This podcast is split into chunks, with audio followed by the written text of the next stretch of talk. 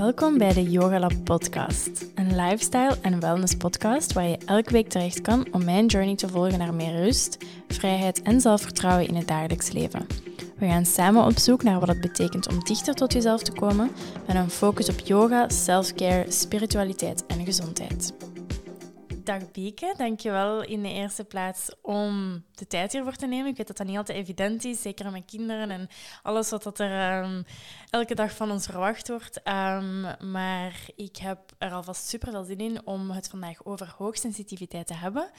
Um, dus je mag misschien even gewoon kort jezelf voorstellen en vertellen wat dat je juist doet. En dan daarna gaan we het hebben over hoogsensitiviteit in specifiek.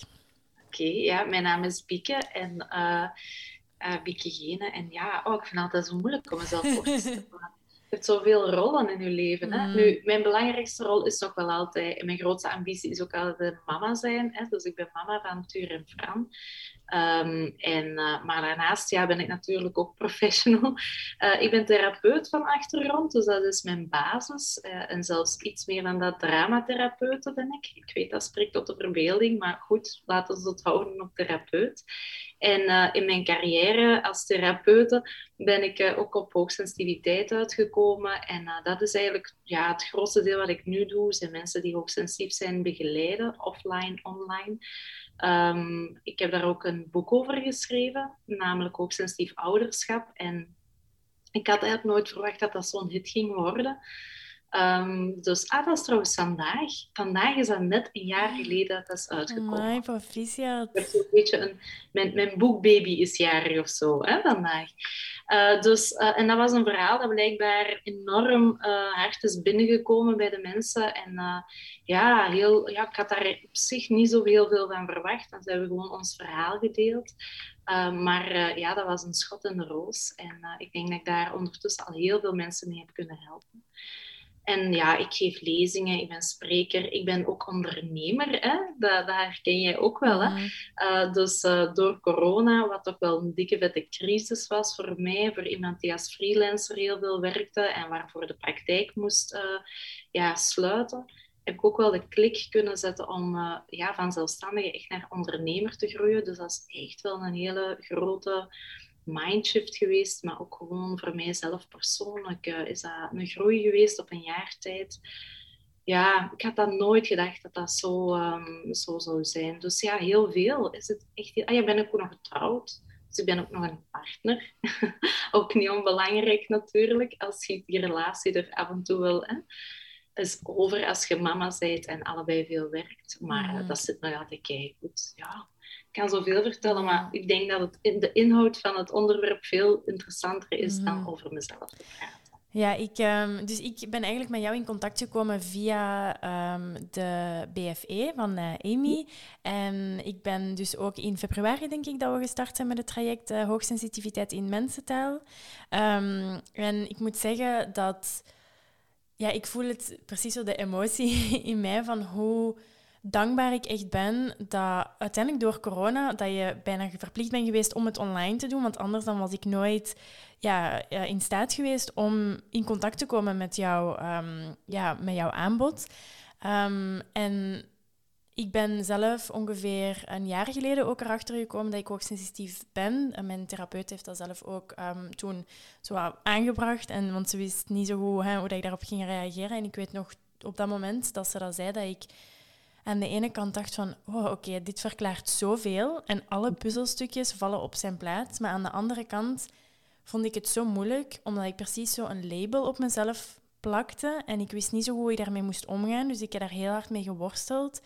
En sinds dat ik jouw traject aan het volgen ben, merk ik dat dat zo hard helpt om ja, gewoon ergens een soort van bevestiging te hebben dat het oké is om zo te zijn en dat het niet raar is, niet abnormaal is en dat het ook echt gewoon een kracht kan zijn, um, dat hoogsensitiviteit. Maar ik denk dan in het algemeen dat er ik voelde het zelf ook soms nog altijd, dat er wel een, een soort van taboe of dat er vaak vooroordelen zijn rond hoogsensitiviteit, dat er zo ja, hooggevoelig en zo ja, verzonnen soms um, lijkt uh, voor de gevoelige mensen. Um, dus om dat zo een beetje te kunnen ja, aan de kant schuiven, zou ik graag eh, willen vragen om, om, eens uit te leggen wat dan voor jou hoogsensitiviteit is, wat het echt inhoudt. En ik weet zelf door de video's die ik al heb bekeken dat hoogsensitiviteit echt gewoon wel iets fysiek is, dat in onze hersenen anders is dan andere mensen.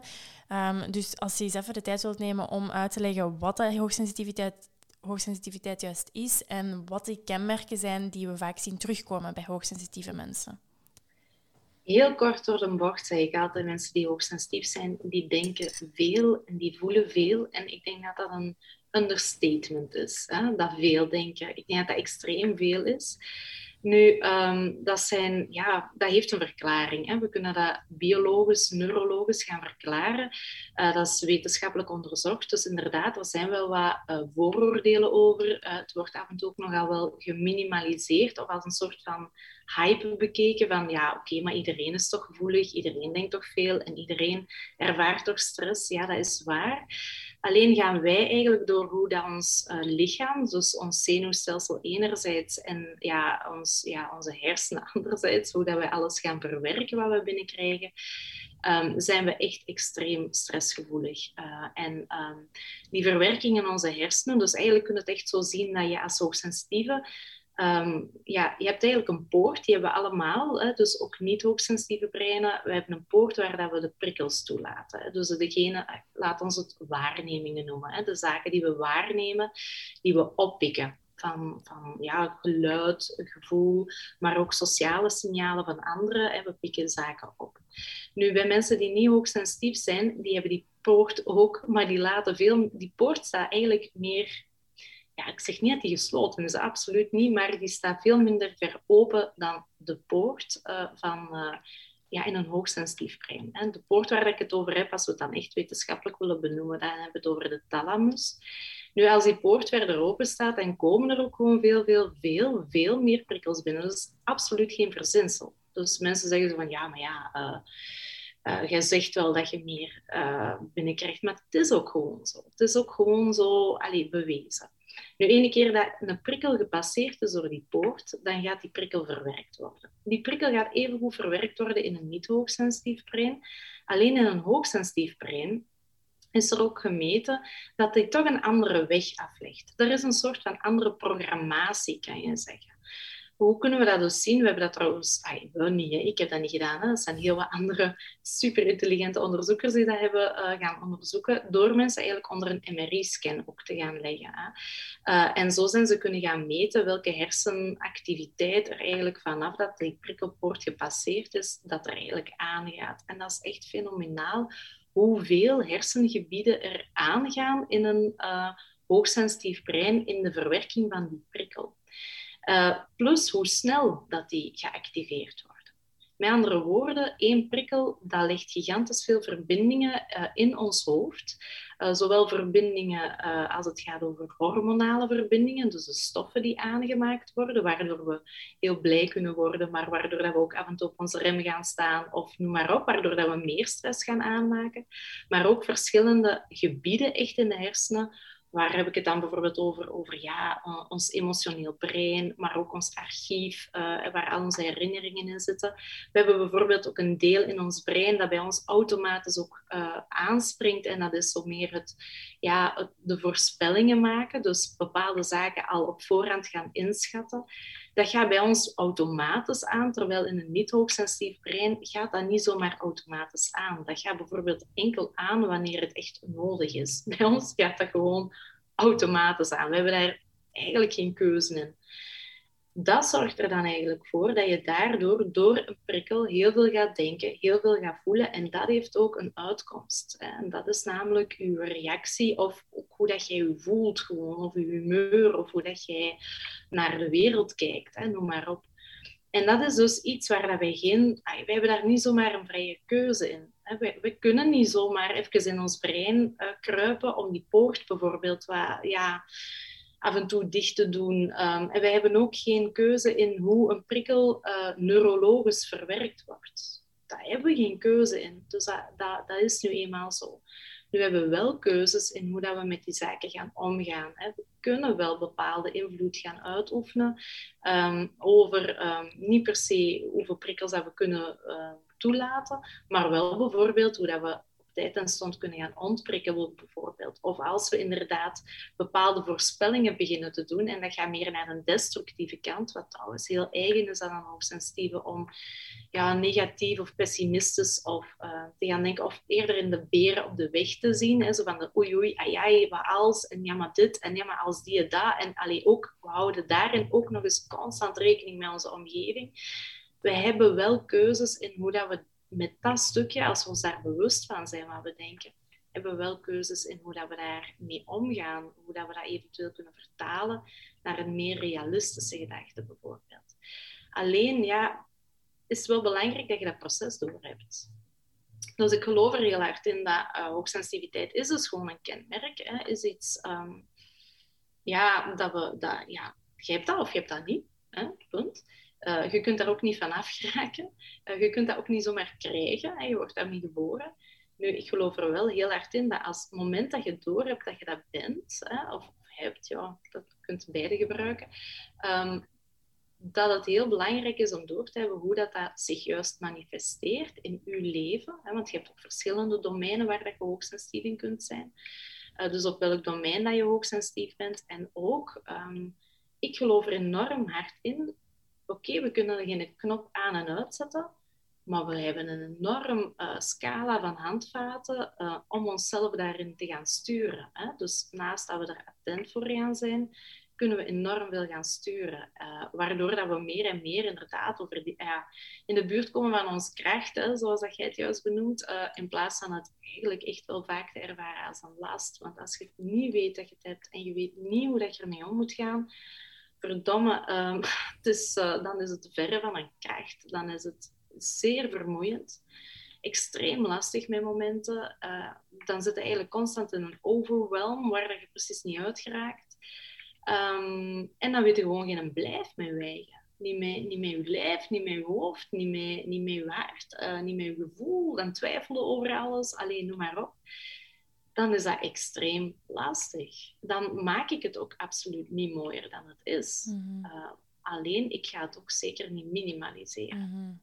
Ja, ik denk dat die uitleg van wat je nu allemaal zei, heeft bij mij zo hard geholpen om erkenning te geven aan mezelf dat de dingen die ik voel ook echt zijn. En ik denk dat we misschien als hoogsensitief persoon meer de neiging hebben om ook ja, al die emoties, al die gevoelens, alles wat naar binnen komt, om dat te denken. Ik heb heel lang gedacht bijvoorbeeld dat iedereen zo was. Ja, ja. ja dat is waar, maar dat is, dat is niet zo onlogisch. Hè? Dat is uw referentiekader. Mm. Jij denkt zo, jij voelt zo en op een of andere manier uh, denkt je dan ook dat iedereen zo denkt. Uh, en en uh, ja, dat is een openbaring als je ontdekt dat dat dus niet zo is. Want zolang dat je dat niet weet, raak je ook heel vaak teleurgesteld daardoor in andere mensen. Uh, of voel je ook heel vaak onbegrepen door andere mensen. En dan denk je maar, alleen, wat is er mis met mij? En je gaat als hoogsensitieve heel vaak de fout, zal ik maar zeggen. Ik gebruik dat niet graag, maar in het stuk dat ik het nog niet weet, gaat het vaak aanvoelen als een foute fout bij u liggen. Mm Dus van, zie, het ligt wel weer aan mij. Of, allee, heb ik het weer al verkeerd gedaan? Alleen een niet hoogsensitief brein denkt gewoon echt anders dan een, ja, dan een hoogsensitief brein. Het grootste verschil vind ik zelfs in het feit dat een niet hoogsensitief brein met momenten ook in staat is om niet te denken. Mhm. Terwijl dat dan gewoon ja, als je aan ons vraagt, denk dan niks, dan, dan wordt het extreem lastig. Uh, want dan gaan we in, ja, precies alleen nog maar meer denken. Mhm. Er zijn grote verschillen, maar ja, als je het allemaal niet weet, dan start van je eigen referentiekader. Dus dat is niet zo gek dat je dat... Ik heb dat ook heel lang gedacht. Hè? Dat, ik, heb dat, ik heb dat ook... Oh, ik heel, heel vaak, als dat mensen ook tegen mij zeiden van, oh, zet daar weer met je ideeën? Of, of ehm, dat ik dacht, ja, maar allee, het is toch allemaal logisch wat ik hier allemaal vertel. Of uh, mensen zeiden van, ja, ze zijn er niet een beetje aan het overdrijven. En dacht ik, nou, maar nee, maar je snapt mij gewoon niet, want anders zou dat niet zeggen. Maar inderdaad, mensen begrepen mij niet altijd, omdat, ja, omdat ze er gewoon op een heel andere manier... Uh, die beleving zit op een ander niveau of zo. Mm Je trilt op een ander niveau. Ja, uh, ja ik, ik, ik, ik hetgene wat altijd en terug naar boven komt, ehm, is bijvoorbeeld hoe dat ik verhalen doe tegen mijn vriend. En dat hij soms echt denkt, soms echt naar mij kijkt van... Maar van waar komt dit ineens? En dat is iets wat jij ook in het traject vaak zegt, van, dat ik zelfs een heel verhaal in mijn hoofd aan het doen ben. Dus en ik ben echt al alle scenario's afgegaan en teruggegaan naar tien jaar geleden, toekomst denken. En dan zeg ik iets en dan lijkt dat voor mij heel logisch. En dan is hij echt zo, oké, van waar komt dit ineens? Ah, en dat helpt om te weten van ja, ik denk gewoon anders. En dat heeft zo hard geholpen, al om gewoon dat hij ook weet van oké, zij denkt anders. Ik weet dat hij niet zo diep en ver en veel nadenkt als ik en dat dat helemaal oké is. Ehm, maar ik wil het zeker straks ook nog hebben over de hoogsensitiviteit in, in een relatie. Ehm, maar ik wou even ehm, vragen hoe dat jij er bent achtergekomen, want ik weet dat jij hoogsensitief bent en, u, en uw zoontje, hè, Ja, hoe dat jullie eigenlijk zijn gekomen op het feit dat jullie hoogsensitief zijn? Wat dat bij jullie de signalen waren of ja, van waar het kwam bij jullie? Ja, ik wist het eigenlijk niet um, totdat Tuur ongeveer 2,5 was. Uh, maar ik, uh, ja, dat was eigenlijk heel intens om mama te worden. Dat was voor mij zo was maar één ding duidelijk in mijn leven of zo. Van oké, ik ben hier op de wereld gezet echt wel ooit om ja, met als doel een, ja, een, een mama te worden en een kindje te, uh, te hebben waar dat ik heel graag kan zien. Want ik, ik weet gewoon, ik heb liefde voor miljoenen mensen. Uh, maar zo één, ja, één iemand in het bijzonder waar ik dan heel veel liefde aan kan geven, dat was echt wel mijn droom. Dus ik dacht eigenlijk ook, ik veronderstelde dat mij dat ook wel ging afgaan. En ik zag ook langs alle kanten van, oh oké, okay, je bent zwanger en je krijgt een kind en oh, happy, happy, joy, joy. Um, maar dat was bij mij zo niet. Ik vond het verschrikkelijk. Uh, ten eerste vond ik de zwangerschap verschrikkelijk. Nu, dat was ook gewoon een verschrikkelijke zwangerschap. Maar gewoon daarnaast dat emotionele. Um, ik was instant bang, ga ik dat wel kunnen? Hè? Alle twijfels. Ik heb altijd al getwijfeld over mezelf. Ik ben van nature extreem onzeker. Ik weet dat je dat misschien niet altijd gaat denken of zien, maar van nature echt wel. Ik heb daar al een heel parcours afgelegd. Dus allez, ik kan mezelf goed bijsturen. Maar dat was voor mij het toppunt van onzekerheid. Van, ga ik dat wel kunnen en ga me dat wel lukken en doe ik het wel goed en eet ik wel gezond? En allez, dat was ongelooflijk. Uh, dan is Stuur geboren. Dat was ook echt een, ja, ook maar echt op een, ehm, ja, de gynaecoloog zei nog toen hij geboren was, van dat hij had geen vijf minuten later moeten komen, hè, of hij was gestorven geweest. Dus dat is ook heel, heel intens geweest. Dus hij is ook veel te vroeg geboren. Um, heeft dan ook nog in de couveuse gelegen en zo. Dus die happy, happy, joy, joy, die roze wolk, die was er absoluut ook niet bij. Um, en ik heb mij gewoon nog veel meer zorgen beginnen maken. En Tuur was ook een hele... We hebben heel lang gedacht dat dat kwam ook door die vroeggeboorte. Uh, en ook doordat mijn man zoveel op missie was. Um, maar uh, die huilde constant. En wij hebben dat medisch onderzocht. En op zich, ja, oké, blijkbaar had hij wel verborgen reflux. Maar toch, ik voelde, dat was dat niet.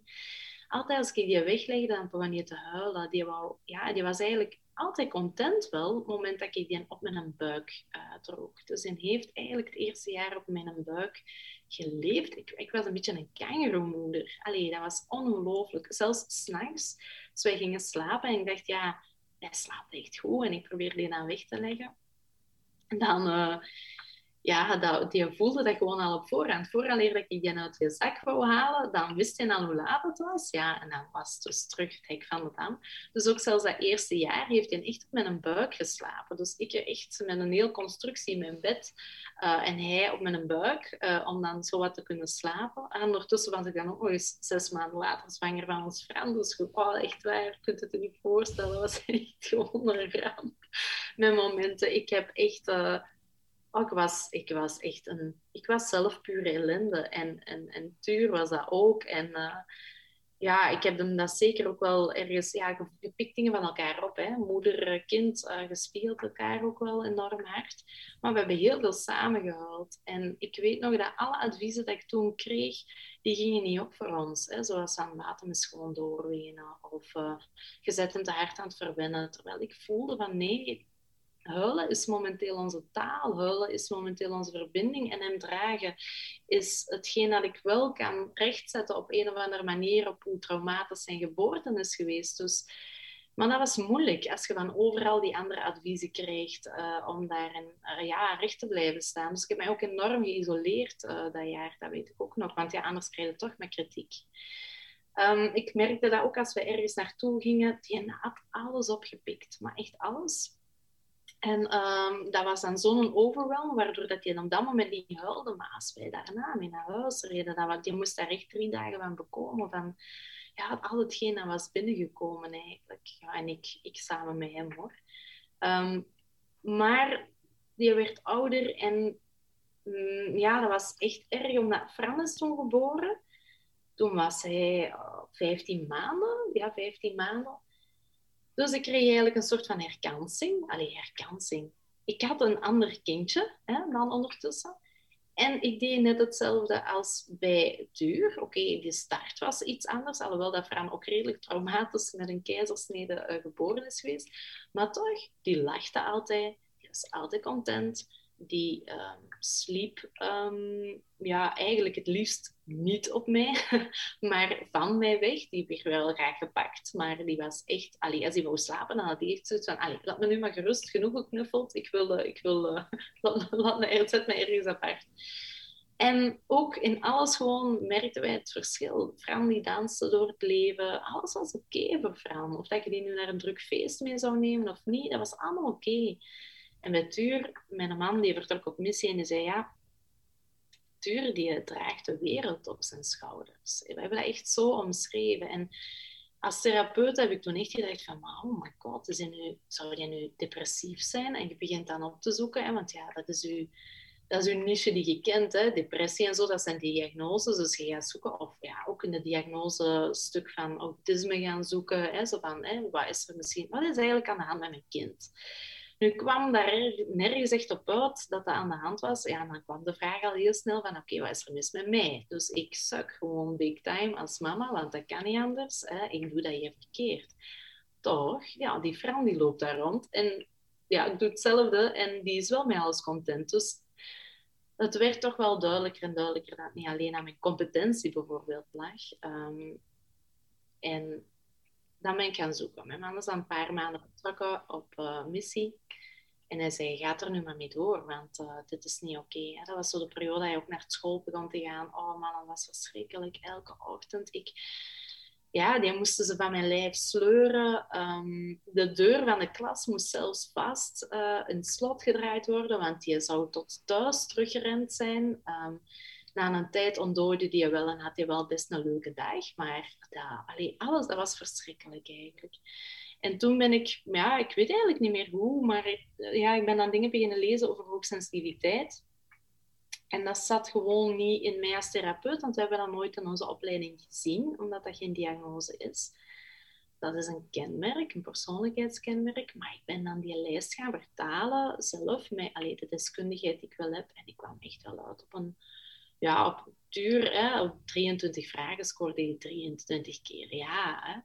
En um, dan zijn we daarmee, is mijn man teruggekomen van missie. Ik zeg, ja, ik denk dat ik het heb. ik, denk, ik denk, weet wat er aan de hand is.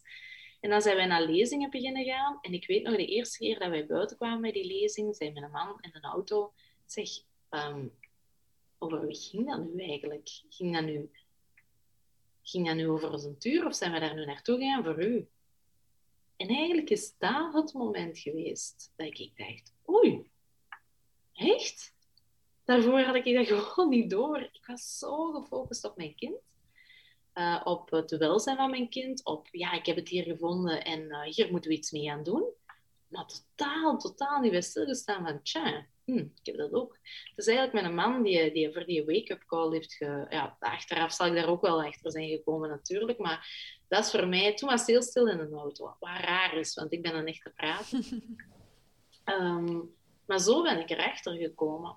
En ik merk dat heel veel hoogsensitieve um, ouders er zijn achtergekomen door ja, de spiegel van hun kind te zien. En jij weet het nu voordat je mama bent geworden. En ik denk dat ja, extreem in je voordeel is. Uh, ik, ben er echt van overtuigd. Uh, ik had dat ook graag veel vroeger geweten. Nu, ik heb een herkansing met Tuur. Hè. Tuur weet dat nu al. En we kunnen daar nu al ja, heel attent mee omgaan met zijn hoogsensitiviteit. En ik moet wel zeggen, doordat we dat zo goed weten en daar al zoveel rond hebben ontwikkeld zelf, hè, uh, wat ik ook allemaal in het boek deel, ik merk mijn momenten niet meer dat hij hoogsensitief is. En ik merk mijn momenten zelf bij mij ook minder dat ik hoogsensitief ben.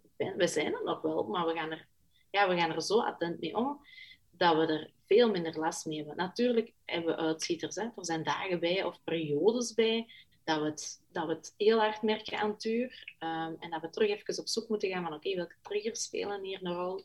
Um, hoe pakken we dat hier aan? En ook bij mezelf. Uh, dat we dan echt wel... Maar in plaats van dan dat we niet weten wat te doen, ja, weten we nu waar we naar moeten gaan zoeken om, om te weten wat heeft ons onderuit gehaald. Hè? Uh, en door dat te weten, weten we ook wat we nodig hebben om terug in balans te geraken. Maar het is eigenlijk Tuur die, ja, die, die heeft alles in beweging gezet. Uh, Dus dat is op zich wel heel bijzonder natuurlijk. Mm. Mijn man en mijn dochter zijn, ik noem dat graag normaal gevoelig. want ik vind dat ook heel belangrijk om te zeggen. Uh, want heel vaak is dat zo, oké, ik heb één hoogsensitief kind en een niet hoogsensitief kind. En ik heb een niet hoogsensitieve partner. Maar ik heb wel... Allee, Fran is ook heel gevoelig. En mijn man is ook heel gevoelig. Is ook echt een, een hele gevoelige man. Is, uh, allee, en mijn dochter ook. Die zorgen ook voor mensen. Maar die maken zich misschien minder zorgen. Dat, mm. ik denk dat daar een groot verschil zit. Mm-hmm. Die kunnen hun een dag afsluiten. Mm-hmm. Bij ons loopt die door. Uh, Naar morgen, naar binnen tien jaar, naar nog eens terugdenken. En ja, wij blijven constant die verbindingen maken. Bij hun, hun dag is, als die af is, is die af. Mm. uh, en dat is, uh, ja... Dus ze zijn ook wel gevoelig. Ik vind dat ook wel een hele belangrijke om, om, om ja, ik wil daar ook met Fran wel rekening mee houden. Um, en wat ik wel merk, de hoogsensitieve aanpak die ik bij Tuur um, gebruik of hanteer en ook op mezelf toepas, passen wij eigenlijk als koppel ook gewoon toe. En mijn man past dat ook toe op mij bijvoorbeeld. Uh, maar wij passen dat samen ook toe op Fran. Die wordt daar echt niet slechter van hoor, om mm. op die manier uh, behandeld te worden. Absoluut niet. Dus ja, weer, weer zo'n lang verhaal, ik weet het. Ja. Nee, maar ik, vind, ik luister er heel graag naar, ook omdat ik soms... Ja, ik, ik zie bijvoorbeeld op Instagram um, tips delen over bijvoorbeeld... Eh, onlangs zag ik de post over dat Tuur um, niet graag uit een bepaald kommetje wou eten. Ik, ik weet het verhaal exact niet meer. En dat je dan echt ja, wist van oké, dit is zijn hoogsensitiviteit, we kunnen hiermee omgaan in plaats van hem te zeggen van ja, stel u niet aan en doe het maar gewoon. En ik dacht, op dat moment dacht ik echt van, oh man, wat een verschil zou het gemaakt hebben. En nu begin ik weer aan het verleden te denken. Als mhm. mijn ouders wisten dat ik hoogsensitief was en dat ik niet werd als anders of uh, moeilijk werd afgeschreven. Ja. aanstellen. Of bijvoorbeeld, ik ging nooit graag bij, bij vriendjes slapen. Ik, oh, ik wou nee, altijd oh, thuis. grappig dat je dat zegt. We hebben nu gisteren het nieuws gekregen dat de zeeklassen zijn afgeschaft mm. hè, door corona. Hè, Matuur zit in een vrijonderwijs, dus zit in graadonderwijs. Dus hij, dit jaar had hij normaal gezien op C-klasse. En het eerste dat je zei, 1 september, was oh nee, we gaan op C-klasse. Ik wil echt niet naartoe. En ik zei, jongen, dat is, hè, dat is in mei. We gaan, wel zien. We gaan zien. Hè, we gaan zien. Uh, en nu deze morgen zei ik, god, de C-klasse gaat niet door. En je zei, ja, yes, ik ben kei blij. Dat, dat is dat wat jij zegt. Ik, ik vond dus dat verschrikkelijk. een bepaald kind evident is dat hij op kamp gaat of ergens gaat slapen. Ja, dat is voor Tuur absoluut niet oh, evident. Uh, ik vond dat... Dus dat de hel. Uh, ja, dat was echt de hel voor mij. En dan weet ik nog dat mijn mama en papa altijd zo briefjes in mijn, in mijn valies uh, staken. En dat ik dat las en dat ik daar gewoon zoveel heimwee van kreeg. En ooit heb ik op scoutskamp, ja, dan ben ik op scoutskamp geweest. Dat was voor mij, dat is, ik denk daar nog altijd aan hoe vreselijk ik dat vond. En ik had brieven gestuurd naar iedereen van mijn familie om te zeggen dat ze mij moesten komen halen. En de leiding had die onderschept en ik mocht ze niet opsturen. Gelukkig heb ik dan wel mijn mama mogen bellen, maar dat maakte het eigenlijk enkel erger. Maar ik denk daar soms nog altijd aan terug van, ik heb iedereen zei van je gaat dat leuk vinden één keer dat je er bent, maar die, die hele week heb ik, dat was ellende voor mij. En gewoon het feit dat ik nu zo door bijvoorbeeld dat, dat gewoon te beseffen van oké, dat was dus misschien gewoon mijn hoogsensitiviteit en ik was geen asociaal raar kind om dat niet leuk te vinden, want al mijn vriendinnen die vonden dat wel leuk. Ehm, dus ja, dat was zo, dat is zoiets dat, dat bij mij um, altijd terug naar boven komt. Uh, maar je zei daarnet ook um, dat als jullie een beetje de triggers weten die belangrijk zijn voor jullie, dat het ook makkelijker is om met de hoogsensitiviteit om te gaan. Mhm. Eh, en ik weet dat jij zelf zo de negen triggers hebt um, opgesomd in je boek en ook in uh, het traject. Um, ik weet niet of je daar even wat meer wilt over vertellen, over de negen triggers.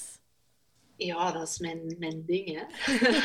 ja, de negen triggers, dat zijn eigenlijk... Ja, als je weet dat je hoogsensitief bent, dan heb je eerst ja, gewoon de, de, ja, het educatieve gewoon over, over het stuk wat is het nu, hè, waar dat je al maar heel veel over beschreven staat, hè, wetenschappelijk nu. Ik vind dat, daarom is het traject ook ontstaan, hè, want heel hard in mensentaal vinden er nog niks over. Het is ofwel super deskundig, ofwel, ja, lees er eigenlijk bijna niks over. Dus ik heb het wel proberen te vertalen naar iets toegankelijker, uh, iets toegankelijker dan. Maar dat is die psycho-educatie, is eigenlijk de eerste stap. Hè. Uh, waardoor dat je ook wel te weten komt van, oh, oké, ehm, er is hier eigenlijk niks mis met mij. Hè? Ja, dat is het eerste stuk ook in, in jezelf te herkennen en erkennen. Hè?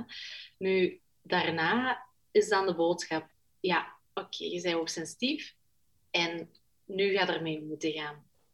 Maar dat vind ik wel extreem moeilijk. Mhm. Ehm, of ja, dat vond ik zo nergens echt in terug in de literatuur. Hè? Wel over ontprikkelen, hè? want dat wordt heel vaak gezegd. Maar zo van, oké, en je kunt daar wel op letten en je kunt daar wel op letten. Maar ja, je, het is zo moeilijk om, om te weten waarop dat je moet letten als je niet weet wat de, de oorzaak of zo is. Snap je? Dan, dan hebben ze zoiets van, oké, ik, ik sta hier nu met al mijn mijn, mijn, mijn wapens getrokken eigenlijk om te zien wat ik kan aanpakken en wat ik kan bevechten. Dat is eigenlijk dan, dan hetgeen dat je op dat moment voelt. Maar van waar gaat het gevaar nu komen? Mm. dat. Wat natuurlijk extreem slecht is voor een hoogsensitieve, want die, uh, ja, die is eigenlijk constant alert voor alles.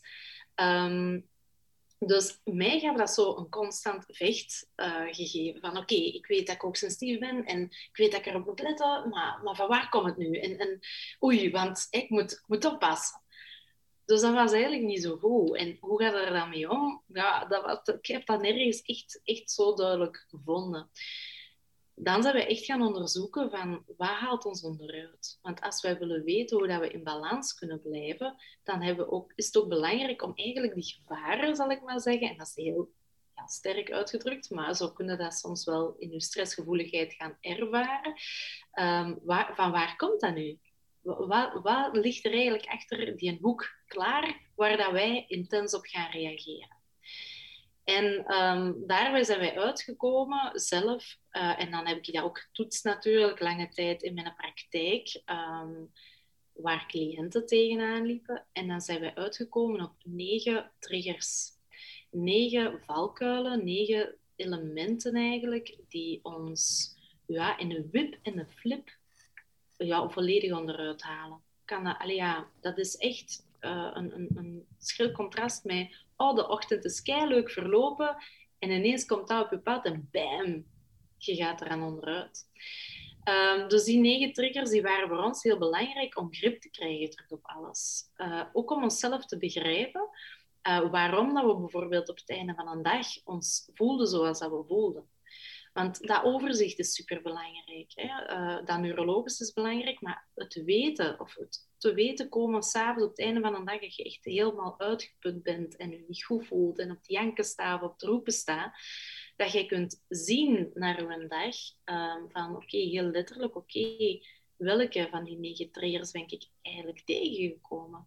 En als er dat, ja, een paar zijn en je gaat rap aan een paar komen op een dag, ja, dan is dat ineens zo van ah, oef, ja, eigenlijk is dat niet zo raar dat ik hier op punt sta om te wenen. Oké, en dat zijn ze. Wat kan ik daar dan aan doen? Wat helpt mij om terug in balans te komen? Want aan elke trigger ja, hangt ook een reeks handvaten. Ehm, of die heb je daarbij ontwikkeld. Waardoor dat je veel gerichter kunt zien. Oké, wat heb ik nu nodig? Wat kan ik nu doen? En Um, hoe groot schat ik die kans in dat morgen diezelfde triggers terug op mijn pad komen? En is er iets dat ik nu preventief uh, of proactief kan inzetten om daar morgen anders mee om te kunnen gaan? Of om dat gewoon te zien dat ik mijn agenda anders in plan, zodat het, ja, dat ik er misschien maar twee van die vier tegenkom morgen. Dus zo is dat veel concreter geworden. Nu, wat zijn die? Amai, nu moet ik al... Ja, ik ken, het zijn er negen, hè, wacht. Hè. Uh, ja, uh, ja, overprikkeld zijn natuurlijk. Hè, maar ik denk dat we die allemaal wel kennen. Als we het over hoogsensitiviteit hebben, ja, dan is overprikkeling zoiets in één adem dat eruit komt. Dus die zullen we wel kennen. Um, onrechtvaardigheid daar hebben we het extreem moeilijk mee. Hè. Daar stijgen we van als er iets uh, rondom ons gebeurt uh, wat met onrecht te maken heeft. Of als we um, ja, oneerlijk behandeld worden of iemand, hè, we betrappen iemand dat iemand liegt, uh, bijvoorbeeld. Dat, dat, ja, dat is echt heel erg. Um, daar kunnen we echt volledig van aan de kaart zijn, omdat we zo zelf niet in elkaar zitten. we hebben een extreem groot geweten. Niet iedereen heeft zo'n hmm. extreem groot geweten. Dus uh, dat botst af en toe wel eens. Hè? Want we, we, denken ook weer dat iedereen dat wel heeft. Maar dat is dus niet zo. Dus je kunt er al eens bedrogen in uitkomen. Uh, de derde, allee, het is geen ranking. Hè? Ik zijn ze nu maar gewoon door elkaar aan het opzommen. Onbegrip, dus u onbegrepen voelen. Dat is echt een trigger, daar kunnen we enorm emotioneel van worden. Um, uh, dominantie dus het moment dat we het gevoel hebben dat er in onze plaats beslist wordt, bijvoorbeeld. Hmm. Ehm, dat vinden we heel moeilijk. We hebben het op zich helemaal niet moeilijk met hiërarchie, maar wel met domme regels of uh, dingen die we moeten gaan uitvoeren, uh, stomme taken. Ja, daar creëren we een extreem uitstelgedrag bijvoorbeeld op, omdat we dat gewoon niet zinnig vinden. Um, even denken, hè. Uh, wat zit er nog in? Ja, ja afscheid. Hmm afscheid. En dan als ik denk aan jouw verhaal van het kamp, is dat een trigger. Mhm. dat is niet meer in verbinding staan uh, met uw veilige basis. Uh, en dat vinden we moeilijk. Uh, en bij kinderen zien we dat op kampen, maar we zien dat even aan de schoolpoort. Hè. Ehm, ja, achtergelaten worden aan een schoolpoort is afscheid. niet in slaap kunnen vallen voor een kind is afscheid, want je neemt afscheid van de dag. Je neemt, ja, je bent ook niet meer bij je mama of bij je papa. Je ligt alleen in je bed. Um, dus dat, is een, dat, is een, thema dat, dat, op verschillende niveaus aanwezig is. Um, veranderingen horen daar ook bij trouwens. Hè. We hebben het heel moeilijk met veranderingen. Ook een nieuwe job of zo, allee, ja, dat geeft veel onzekerheid, dat geeft, ja, dat geeft veel stress. Dus dat zit daar ook onder. Maar nu moet ik echt al conflict, conflict of ja. een hele belangrijke. We, we zijn people pleasers. Um, extreme people pleasers. Ehm, en heel vaak ook omdat we een ander niet willen gaan teleurstellen. En omdat we uh, extreem bang zijn voor conflicten. Of voor, niet alleen voor de intensiteit van een conflict, maar ook het gevolg van een conflict. We houden daar al rekening mee. Dus in functie met hetgeen dat we eventueel al gaan voorspellen, ja, kiezen we er toch liever voor om niet in conflict te gaan. Hè, omdat we bang zijn voor de gevolgen. Um, waardoor dat we natuurlijk losser bij onze eigen grenzen gaan, hè? heel vaak. Mm. Um, stress? Stress is zo, die heb ik nog ah, ja, bekeken, stress, video. natuurlijk. Ja, stress, stress. Uh, stress, ja, en, en iedereen is stressgevoelig, hè, de dag van vandaag. Um, maar ja, door, door het neurologische uh, stuk bij ons zijn we gewoon nog extreem stressgevoeliger. En, en die trigger heb ik vooral uh, opgesomd, wat voor ons heel snel stress doet uh, wakker maken, wat bij een ander bijvoorbeeld niet zo is. Denk maar aan tijdsdruk. Stress door tijdsdruk is voor een hoogsensitieve echt stress. Dat is echt stress. Ja? Uh, mijn man is heel nonchalant als het gaat over tijd. Uh, ja, voor mij kan dat echt gewoon, dat kan mij de stoppen doen doorslaan. Als ik voel dat de tijd duurt en niemand werkt mee. of niemand heeft het door. Hè? Dus iedereen doet maar op zijn gemak door. Daar kan ik extreem wild van worden. Um, maar ook, hè, oh, we zijn stressgevoeliger als we niet op tijd een stond eten of drinken. Hè? Dus dat zijn allemaal heel belangrijke dingen. Dus waardoor gaat je stressniveau naar boven? Dat staat ook allemaal in dat boek opgezond. Um, ja, zeg jij maar, ah ja, oppervlakkigheid. Mm jij, jij zei er juist al, uh, voordat wij hier aan begonnen, ja, die small talks, hè. Ja. Dat is niet ons ding. Um, daar uh, worden we niet gelukkig van.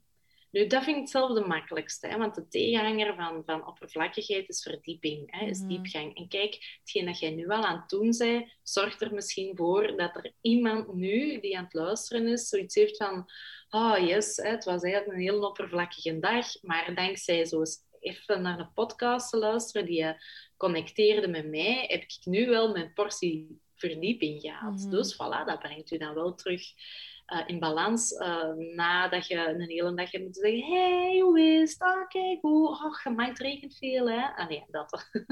Hè, dus dan kan een podcast u even terug, ah, oké, oef, hè, er, gaat, het- er is meer in de wereld dan enkel corona en het weer. Ja.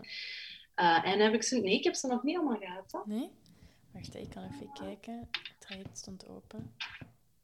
Zijn er nee, dat is veel. Wacht, hè, ik ga mijn boek erbij Ja, ja, pakken, ja. dan weet ik het direct. Uh, Sina. Kritiek. Ah ja. Ja. kritiek. Dat vinden we heel moeilijk. En dan heb ik het vooral over zelfkritiek en ook eh, kritiek van af andere. eh, hè, we krijgen wel overal een advies of, een, of een, ja, gewoon een opmerking. Maar we gaan dat heel snel interpreteren als kritiek. Hè. Dus we gaan dat heel snel persoonlijk nemen. Zeker niet altijd zo bedoeld door die anderen, maar echt daar, ja, we gaan dat heel snel vertalen naar ja, dat we het niet kunnen of eh, wat bedoelt hij daarmee. En ook eh, zelfs het heel moeilijk vinden om een compliment zelfs te aanvaarden. Hè? Mm. Dus, dus een compliment gaan we ook heel snel vertalen naar hm, wat bedoelt hij daarmee? Of meent hij dat wel echt? In plaats van gewoon for granted te zeggen, oh ja, inderdaad. Hè? Eh, ja, dat vind ik ook wel. Allee, zo zitten we niet in elkaar. Eh, en zelfkritiek is echt iets, ja, dat is, ehm, ja, daar moeten we heel, heel, heel eh, ja, bewust van worden. Hoeveel zelfkritiek dat we ons geven en hoe weinig zelfkrediet dat we ons geven. Mhm. Dus die negen triggers, ja, het is een hele boterham, maar als je ze nu zo hoort, ja, dan is dat niet zo ehm, verrassend als je s'avonds die zo verloopt en zegt, verdomme, ik ben er eigenlijk wel een paar tegengekomen. Ik heb een opmerking van mijn partner gehad. Uh, ik heb iets tegen mijn moeder verteld. En uh, ja, dus dan opmerking kan bij kritiek zitten. Uw moeder die zegt van, allee, kom, het is wel goed zo. Ja, dan gaat u onbegrepen voelen. Um, je hebt vastgezeten in het verkeer, stress door tijdsdruk. Allee, noem maar op. Je gaat heel snel aan een paar komen, waardoor dat je s'avonds ineens denkt, maar het is eigenlijk helemaal niet zo raar dat ik me zo moe voel. Of uh, dat ik me niet goed voel. Of dat ik een bepaalde frustratie voel. En dan kun je ook doorgaan van, oké, hey, wat heb ik dan nu nodig? En dat is een veel beter... Ik vind dat een hele fijne basis om heel concreet, dagdagelijks, uh, om te gaan met je hoogsensitiviteit. In plaats van, ah ja, je bent hoogsensitief en ja, deal with it. En uh, ja, je moet daar wel mee om kunnen gaan. Mm. Ja, maar hoe? En dit gaat voor mij echt, mm dit zijn voor mij echt uh, duidelijke. Ik heb graag duidelijkheid. Mhm. Mm -hmm. Want anders, ja, dan, dan verlies ik het gewoon helemaal. En dit is voor mij, dit is eigenlijk onze handleiding geweest. uh, een paar jaren. En dan um, ben ik op zoek gegaan naar boeken daarover. om, om, om bevestiging daarin te krijgen. Van, uh, dan moet er nu toch iets over bestaan. En dan heb ik uh, aan Lano gevraagd, van, uh, want ik heb al een boek voor Lano geschreven, uh, van ja, Katrien, zoek mij daar eens iets over, in het Duits of in het Frans, of het maakt niet uit over wat, maar allee, ik zoek daar wel iets in over hoogsensitief ouderschap, omdat ik merk wel, één keer je mama of papa wordt en je hebt ook nog eens een hoogsensitief kind, dat is een level up, die wilde eigenlijk, amai, boef. Ik heb mijn hoogsensitiviteit ook pas echt, echt, echt als een extreem probleem beginnen te ervaren door mama te worden. En zij zei, ja, Bieke, dat bestaat niet. Ik zeg, oei. En voor mij was het belangrijk om duidelijkheid in dat boek te krijgen. En we hebben toen beslist van, ja, wil jij dat schrijven? Ik zeg, ja, ik wil ik gewoon wel schrijven wat ik heb, wat ik weet. Ik wil dat ook wel delen. En het vervelende aan heel veel boeken rond hoogsensitiviteit is dat ik duidelijkheid mis. Mm -hmm. um, ja, allee, echt concreet, wat moet je er dan mee doen? Ja. Dus ik heb een beetje mijn handleiding gewoon cadeau gegeven aan iedereen. Uh, en een traject, hè, hoogsensitiviteit en mensentaal, ja, komt dat heel uitgebreid aan bod natuurlijk. Hè, want ik kan daar zoveel meer over... Ik had daar nog vijf boeken over kunnen schrijven, eigenlijk. Uh. Ja, ik, ik, Maar- ik merk inderdaad, echt zoals je zegt, een handleiding, dat is het gevoel dat ik krijg door mijn hoogsensitiviteit beter te begrijpen, onder andere door het traject, dat ik echt precies een boek aan het schrijven ben over hoe dat ik met mezelf moet omgaan wanneer dit gebeurt, wanneer dit gebeurt, wat ik dan kan doen. En dat heeft al zoveel geholpen. Bijvoorbeeld, ik ehm, heb zes maanden thuis gezeten, want ik werk halftijds in de horeca en daarnaast geef ik yogales. En die zijn allebei ja, niet doorgegaan de voorbije zes maanden. En maandag begin ik terug te werken in de horeca. Juist. En ik ben al wekenlang aan het stressen over die overgang. En, en oh, ik moet nog zoveel doen en ik wou dit gedaan hebben voordat de lockdown voorbij was. En nu ben ik echt een beetje mijn, uh, ik heb er een podcast over opgenomen, mijn uh, corona-exit-plan aan het opstellen van oké, ik weet dat ik ga terug beginnen werken. Ik ga die week niet te veel plannen. Ik zorg dat ik s'avonds gewoon op mezelf kan ontspannen. En gewoon dat al, dat kan zoveel helpen. Tuurlijk. Dat geeft heel veel rust. Hè? Um, ik geloof echt in die handleiding. Ik geloof daar echt in. En ik merk dat zelfs ook al aan het uur. Uh, die negen triggers, die geven zoveel rust, omdat je gewoon beter begrijpt waarom dat je wel uitglijdt. En als je weet, en want uitglijden gaat, hè? En die negentriggers zijn onvermijdelijk. Hè? Die horen bij onze maatschappij, die horen gewoon bij ons leven. Uh, vermijden, daar ben ik niet voor. Hè? Dus, dus ja, face it wel. Alleen ja, met, een, met, met de juiste handvaten kun je best wel wat aan hoor. Ik, mhm. ik, ik, zie, ik zie mezelf, ik ben, ik, ben, ik ben gisteren nog extreem ontploft, hè, dus ik, ik schuif nog wel eens uit. Hè, en, maar ik ga veel sneller kunnen zien, maar Bieke, waardoor? In plaats van anders blijf ik hangen en oh nee, wat heb ik nu gedaan? En, uh, en eigenlijk kom ik niet tot hetgeen waar het, ja, waar, wat ik moet weten om eruit te geraken en om er terug door te geraken en om het aan te gaan pakken. En dat zorgt bijvoorbeeld al voor ja, tonnen minder schuldgevoel. Mm En dat is, ja, dat, dat, dat, dat is een energievreter van je welste. Hè? Maar dat jij nu doet ook, dat, dat lijkt mij ideaal. Als je dat... Je gaat nu merken door ja, je voor te bereiden, dat we, wij heel leuk vinden als hoogsensitieve. Mm -hmm. Wij hebben graag voorspelbaarheid, een bepaalde voorbereiding. Maar met die eigen handleiding, die mm hoogsensitieve handleiding, die er volgens mij echt wel is, kunnen wij ons goed voorbereiden. Alleen ja, je gaat ze pas kunnen gebruiken als je ze kent natuurlijk. Ja, dat, is, dat, is, dat is zo de grootste uitdaging nu voor mij nog, om het echt te kunnen toepassen. Ik, ik merk in het moment zelf, ik denk dat dat ook vrij normaal is, dat ik nog vaak um, ja, heel sterk reageer op bepaalde triggers, waardoor ik dan daarna denk van, maar oei, dat had ik misschien niet moeten zeggen. Of ik herinner me bijvoorbeeld onlangs was ik in een heel luide ruimte met, met luide muziek en ik wou een gesprek hebben met iemand, maar ik kon mij gewoon niet concentreren op het gesprek omdat er zoveel achtergrondgeluid was. En dan dacht ik echt daarna van, oh, dat is nu... Ik, ik heb het gevoel dat ik niet mijn aandacht volledig aan die persoon heb kunnen geven. Mhm. Maar dan kan ik ook makkelijker zeggen van ja, dat was gewoon door de omstandigheden. Dat is niet omdat ik niet geïnteresseerd was. Ja, dus zo'n dingen, ja, dat maken zo'n ja, verschil je gaat jezelf door die handleiding gewoon, er, er komt een soort van uh, zelfrelativering die je mm. misschien daarvoor nooit hebt kunnen, uh, kunnen hebben. Hè? Alles neemde persoonlijk en als kritiek en als fout op anders. En terwijl dat je nu kunt zeggen, ah ja, oké, eigenlijk ja, was dat niet zo verrassend dat dat niet gelukt was, want dat kwam daar en daar en daardoor. Waardoor dat je het op een bepaalde manier ook kunt loslaten. Maar loslaten is het summum, hè? Allee, dat is mm. echt... Uh, ja, daar heb ik het eh, een, hele, een heel stuk ook over in het online traject. Dat is extreem moeilijk, maar als je het kunt plaatsen, is het een bepaalde vorm van loslaten. Hè? Dan vind je er een bepaalde rust in of zo. Eh, of een berusting, zal ik maar zeggen. Um, misschien is dat mooier dan loslaten, maar dat is wel mogelijk, denk ik. Uh, ja. Alleen mooier dan loslaten. Ik zou nog altijd wel willen opteren voor loslaten. ik zou dat echt heel graag willen kunnen. Als ik zie hoe dat met een man kan, dan denk ik, oh wauw, geloof.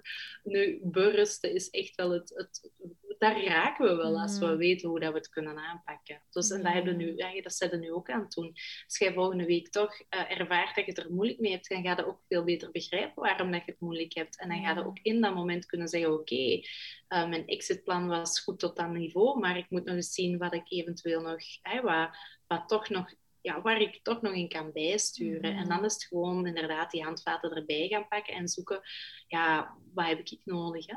Ja, inderdaad. Um, je zei het daarnet... Um, oh, je zei iets en ik wou daarop ingaan. Ja, uh, dat je ook zei van het, het kunnen plaatsen. Ik had onlangs... Was er een conflict met iemand in mijn leven en... En normaal, als ik ruzie heb... Het, is niet, het was niet echt ruzie, maar eerder een discussie waar dat ik mijn standpunt echt heel, heel... Ik, ik kwam heel hard uit voor wat dat ik zei, omdat ik dat het rechtvaardig of het juiste mhm. vond. En normaal zou ik dan wekenlang bezig zijn met, oh, ik had niet zo mogen reageren, ik had niet zo uh, extreem moeten zijn, ik had gewoon rustig moeten blijven. Maar ja, nu kon ik gewoon na een dag al zeggen van, ik, ik gebruik dan vaak mijn schriftje, mijn journal, om, om dat, dat op te schrijven van, oké, waarom reageerde ik zo? En dan kwam ik heel snel uit op het feit van, oké, het was mijn hoogsensitiviteit die heel, heel sterk opspeelde in dit moment. En dan kan ik dat ook makkelijker zeggen, oké, die persoon is niet hoogsensitief, dus die gaat waarschijnlijk dat al lang vergeten zijn. Dus het heeft geen zin in de eerste plaats dat ik daarmee bezig ben. En het is ook niet echt mijn fout. Allee, het is niet, niet dat ik mijn, de schuld afschuif op, op iets anders, maar ja, het is bijna onvermijdelijk geweest dat dat gebeurde. Ja, en, en, en daardoor kom je nu terecht op feiten. Hmm. Hè, in plaats van, en, en dat kun je loskoppelen van wie dat je bent. Uh, en dat is iets heel belangrijk. Mhm. Hè? Dus oké, er is iets gebeurd, je kunt daarop terugkijken, je hebt je verklaringen daar nu voor gevonden en dat zorgt ervoor dat je dat niet helemaal op je eigen betrekt en nog weken mee blijft rondlopen. Je gaat die dingen los kunnen penen koppelen van Mhm. elkaar. En dat is het fijne daaraan. Uh, nu, die hoogsensitiviteit is een hele mooie kapstok. En die triggers zijn een, hele mooi, een heel mooi onderdeel daarvan om te zien van oké, wat ik deed, kan ik dat aan die kapstok hangen? Ah ja, want ja, het zit bij die triggers en die triggers Mhm. horen ja, onlosmakend bij uh, hoogsensitiviteit. Ja, dat gaat u rust geven in dat Mhm. stuk. Nu, je kunt niet alles aan die kapstok gaan hangen, maar wel best veel hoor. Um, ja, allee, ik, ik verschiet daar toch elke keer van uh, hoe dat hoogsensitiviteit inderdaad kan opspelen. Hè? Zoals, Mhm. dat jij het beschrijft. Dus dat denk ik uh, ja, heel mooi. Want dat zeggen mensen ook wel. Ja, maar precies de ene dag ja, heb ik daar niet zoveel last van als een andere dag. Ja, inderdaad. Dat klopt ook. En dat heeft met heel veel zaken te maken. Mhm. Heb je genoeg voor jezelf gezorgd? Heb je genoeg gegeten, gedronken? Hoeveel triggers zijn er op je pad gekomen? Afhankelijk daarvan ja, ga je amper last ervaren door je hoogsensitiviteit. En op andere dagen dat je wat minder goed voor jezelf zorgt en er komen heel veel triggers op je pad, ja, dan uh, is het een uitdaging. Een Mhm. serieuze uitdaging. Voor mij ook nog hoor. Mhm. Dus ja, maar dan, dan, dan weet het tenminste al waar en hoe. En ja, als, ik zeg altijd door de triggers is ehm, mijn vallen struikelen geworden. Mhm. Maar ik struikel nog. Uh, en ik, ik, uh, ik vind dat ook niet meer abnormaal, doordat ik dat nu allemaal weet. En ja, ik kan er best wel uh, met mildheid naar kijken, naar mijn gestruikel. Mhm. Dat is oké. Okay. Uh, ik vind het ook heel belangrijk om dat ook altijd te blijven delen, want ja, het is belangrijk om die herkenbaarheid te blijven. Um, ja, ja, Oh, oké, okay. dat is mijn. mijn Oké, okay. er is hier iets aan het uiten. Dat is al um, maar dat is, allee, ik denk dat dat oké okay is. Ik denk dat dat ook, uh, ja, dus denk ik ook wel de kracht van hoogsensitiviteit Mm. is de authenticiteit of zo. Ja.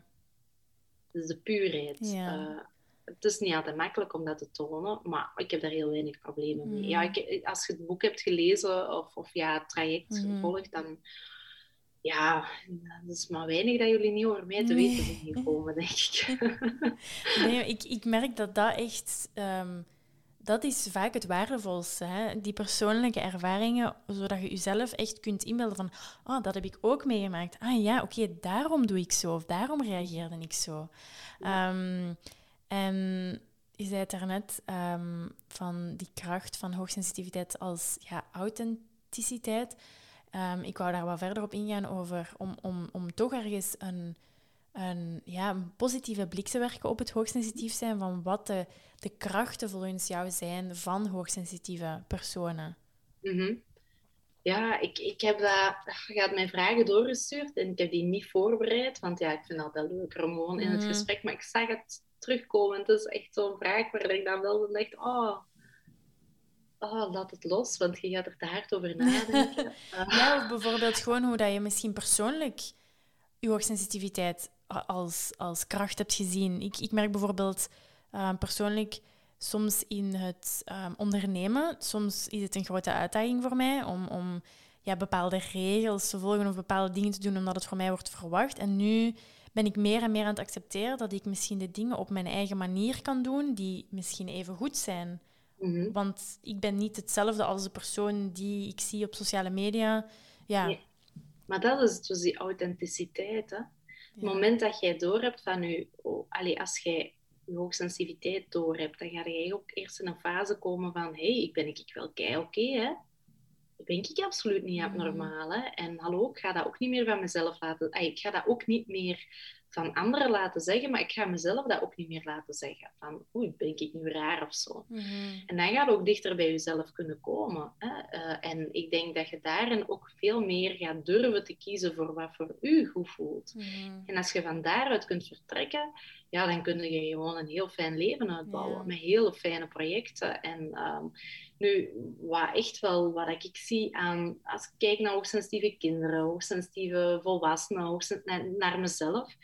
Als die doorhebben hoe het werkt, dan zie ik die echt wel floreren hoor. Ehm, als die weten waar dat ze voor staan, als die weten waar dat ze van uit balans gaan, als, gaan die ook meer durven kiezen voor zichzelf. Mhm. eh, of voor wat voor hun goed voelt. En dat is de basis waar dat heel vaak mensen al jarenlang naar op zoek zijn en niet altijd durven eh, daarvoor te gaan. Maar door dit allemaal te weten te komen, weten van er is geen andere weg. Het, is mijn weg die ik moet volgen, want die gaat die gaat knallen. En daar ga ik mij goed in voelen. Die gaat goed zijn voor anderen en die gaat goed zijn voor mij. Tot dat punt hè, gaan heel veel hoogsensitieve mensen zich conformeren eh, en proberen mee te gaan met de stroom en ehm, ja, dingen proberen toe te passen die voor een ander blijkbaar altijd wel werkt. En dat je denkt, ah, bijvoorbeeld in het online traject komt ook een module over ehm, assertiviteit. Hè? Mhm. Ehm, maar daar heb ik echt zo een heel eh, ja, vertaling gedaan naar hoogsensitiviteit. Want bijvoorbeeld assertiviteit, dat is iets wat we allemaal wel kunnen gebruiken. Ehm, maar dat voelt niet altijd goed voor een hoogsensitieve. Dus als je dat dan bijvoorbeeld wilt toepassen zoals dat, dat meestal wordt aangeleerd, je gaat dat wel technisch kunnen hoor, maar ja, je gaat je gaat dat niet voelen. Je gaat dat niet, ja, en je gaat dat niet volhouden. En je gaat daar vooral, veel frustratie eh, zelf door ervaren en weinig resultaat in boeken. Nu, als jij weet dat, dat, ja, dat het eigenlijk als hoogsensitieve meestal net niet standaard is, en je gaat op zoek naar wat voor u uw standaard is, wat uw norm is, en je kunt van daaruit vertrekken, dan is eigenlijk alles mogelijk Mhm. Hoogsensitieve mensen, dat zijn creatieve mensen, dat zijn hele slimme mensen. Uh, dat zijn, allez, ze zien dat zo niet van hun eigen hoor. Um, en ik heb het niet over intelligentie qua, qua ja, EQ en IQ. Ik heb het echt over ja, durven verder denken, out of the box denken. Um, wereldverbeteraars zijn het ook heel Mm. vaak. Uh, heel idealistisch, noem ons dan maar naïef. nu toch, ik vind dat de wereld alleen maar mooier wordt uh, met mensen die idealistisch durven te denken. Um, ja, en ik denk dat dat... Ik vind zelf persoonlijk hoogsensitieve mensen die uh, hun hoogsensitiviteit goed verzorgen, zal ik maar zeggen, vind ik extreem waardevol in deze Mm. maatschappij. Um, Mm. En die kunnen echt wel, uh, ja, die kunnen dingen in beweging zetten. Maar ze gaan dat zo niet van hun eigen altijd zien. En dat is ook mooi. Bescheidenheid Mm. siert ook. Hè. Ik denk dat dat ook zoiets is dat we als hoogsensitieve ook wel heel vaak... Hè, um, ja, we zullen het niet altijd van onszelf zeggen of zien. Nee. En dat is ook mooi. Dat is ook oké. Okay. Maar af en toe wel onszelf krediet geven is ook wel heel belangrijk natuurlijk. Of een compliment willen geloven is uh, daarin ook belangrijk. Mm -hmm. Maar ja, dus dat, ja, ik denk dat dat wel... Ik vind dat allemaal mooie mensen. ik ben eigenlijk geen rotte appel tegengekomen uh, ik denk, in, in, die maand of zo. Ik denk dat vaak ook um, het, het weten dat we hoogsensitief zijn en dan die tools aangereikt krijgen door zo'n traject, dat dat een soort van permission slip is om eindelijk het leven te leiden dat we eigenlijk al heel lang willen leiden, maar niet in lijn was met, met de verwachtingen. Juist, klopt helemaal. Dat vind ik zo mooi. Ja, dat is ook. En, en, en ook, als er dan toch uh, kritiek op komt of zo, of, of kritiek, misschien is dat niet altijd zo bedoeld, maar een, een opmerking of een vraag, of dat je in vraag gesteld wordt, hè, wat dat je kiest of wat je doet, ja, dan ga je ook veel beter weten waarom dat je dat doet. En dan, ja, ik leer jullie vooral uh, u niet te gaan verantwoorden. Hè? Dat leer ik jullie vooral. Uh, mm. Maar uh, tot op een bepaald punt kun je dan wel zeggen: van, ja, kijk, dat is echt mijn keuze en, en dat is ze en daar ga ik gewoon voor. En um, jij mocht dat gerust anders bekijken, maar ik weet dat dit mm. hetgeen is dat ik moet doen. Ja. En dat is, ja, dat is inderdaad. Ik heb daar vooral, zie ik dat in opvoeding ook, hè? zo durven ja, toch het durven anders uh, ja. opvoeden van mijn kinderen dan, uh, ja, dan het traditionele of zo. Mm -hmm. um, en, en ook gewoon ja, dat ondernemingschap. Ik merk dat nu ook wel. Het heeft mij... Ja, het is zo belangrijk om als hoogsensitieve uh, ondernemer je hoogsensitiviteit goed te leren kennen. Ja, ja ik, denk, ik denk echt dat voor mij die, dat, het feit of het weten dat ik hoogsensitief ben, voor mij de eerste stap was om echt bijna alles in vraag te gaan stellen. Dan soms ook weer tot in het extreme. Maar alles wat ik dacht dat ik moest doen, of dat, ik, of dat normaal was, dat ik dat maar moest accepteren. Als ik soms naar het nieuws kijk en ik ben dan iemand die daar dan ja, heel hard op ingaat van oh, waarom doen ze dat zo? Of ik kan dat niet begrijpen en er is zoveel, er is daar zo'n ellende en niemand gaat daar precies... Dat is, zo, dat is iets wat ik vaak zeg van hoe kunnen ze zo neutraal bericht geven over zo'n erge dingen die hier gebeuren, dan bij mij zitten al de tranen in mijn ogen. Ook al is het mhm. maar een stuk van vijf, tien seconden, het maakt niet uit.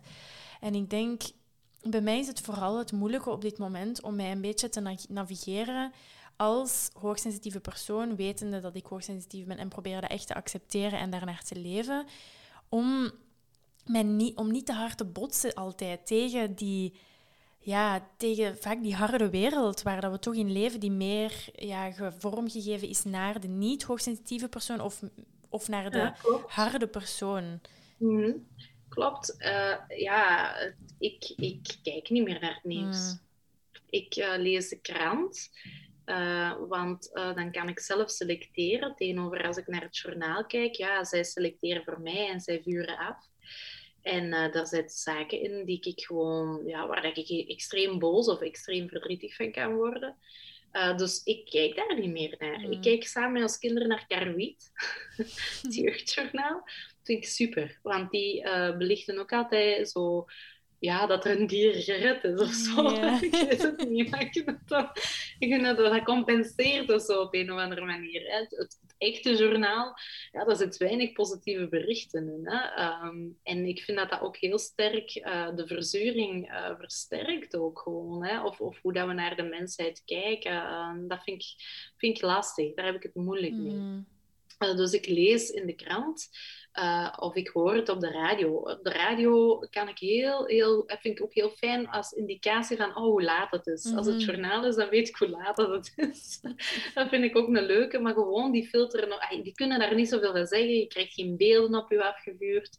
Uh, en in de auto gebruik ik heel vaak mijn nieuwsapp, de VRT dan, ook effectief de VRT, omdat die iets minder sensatie um, ja, of sensationeel hun nieuws brengen. En er staat eigenlijk altijd ook bij niet voor uh, opgepast uh, voor gevoel, uh, gevoelige kijker of zo. En dan denk ik, ja, dat, dat is moeilijk, want dat prikkelt mijn nieuwsgierigheid natuurlijk ook extreem.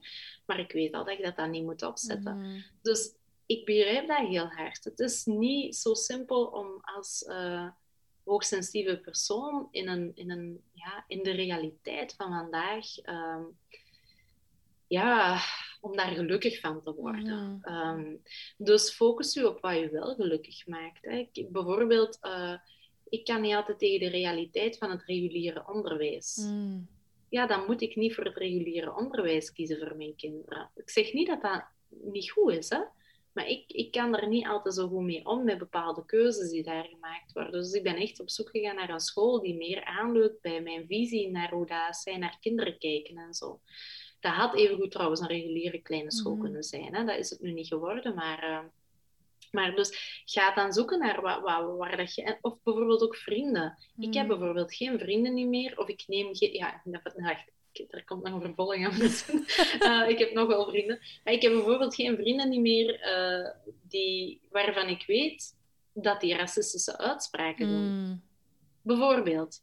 Want dan, dan, dan, ja, dan, dan is de discussie direct daar. En dan ben ik, zoals dat jij zegt, kom ik extreem uit de, uit de mm. hoek. En dan, ja, dan is niet aangenaam niet meer. Uh, ik ben dan ook echt niet aangenaam niet meer. Dan ben ik ook heel hard. Hoe zacht ik ook ben, dan kan ik een extreem hard zijn, ook terug.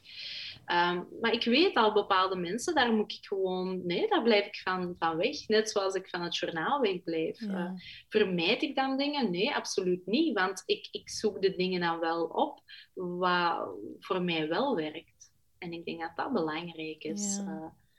Dus in plaats van daar aan te blijven hangen in het feit van oh, dit werkt niet, ik, ik, voel hier weerstand of ik voel hier verdriet bij, dan ga ik op zoek van oké, hoe ja, wat werkt dan wel voor mij? En dat is, ja... Maar ja, de maatschappij blijft extreem hè? hard en, en ja, ik weet het niet of dat ze zachter gaan worden, maar ik geloof er wel in dat er bepaalde mensen wel voor extra zachtheid kunnen zorgen. En, en waardoor dat we dan hopelijk wel wat in balans komen. Ook social media. Ik ga enkel mensen uh, volgen waar ik ehm, niet boos van word, bijvoorbeeld. Of niet verdrietig van word. Um, dus maak je selecties daar ook in.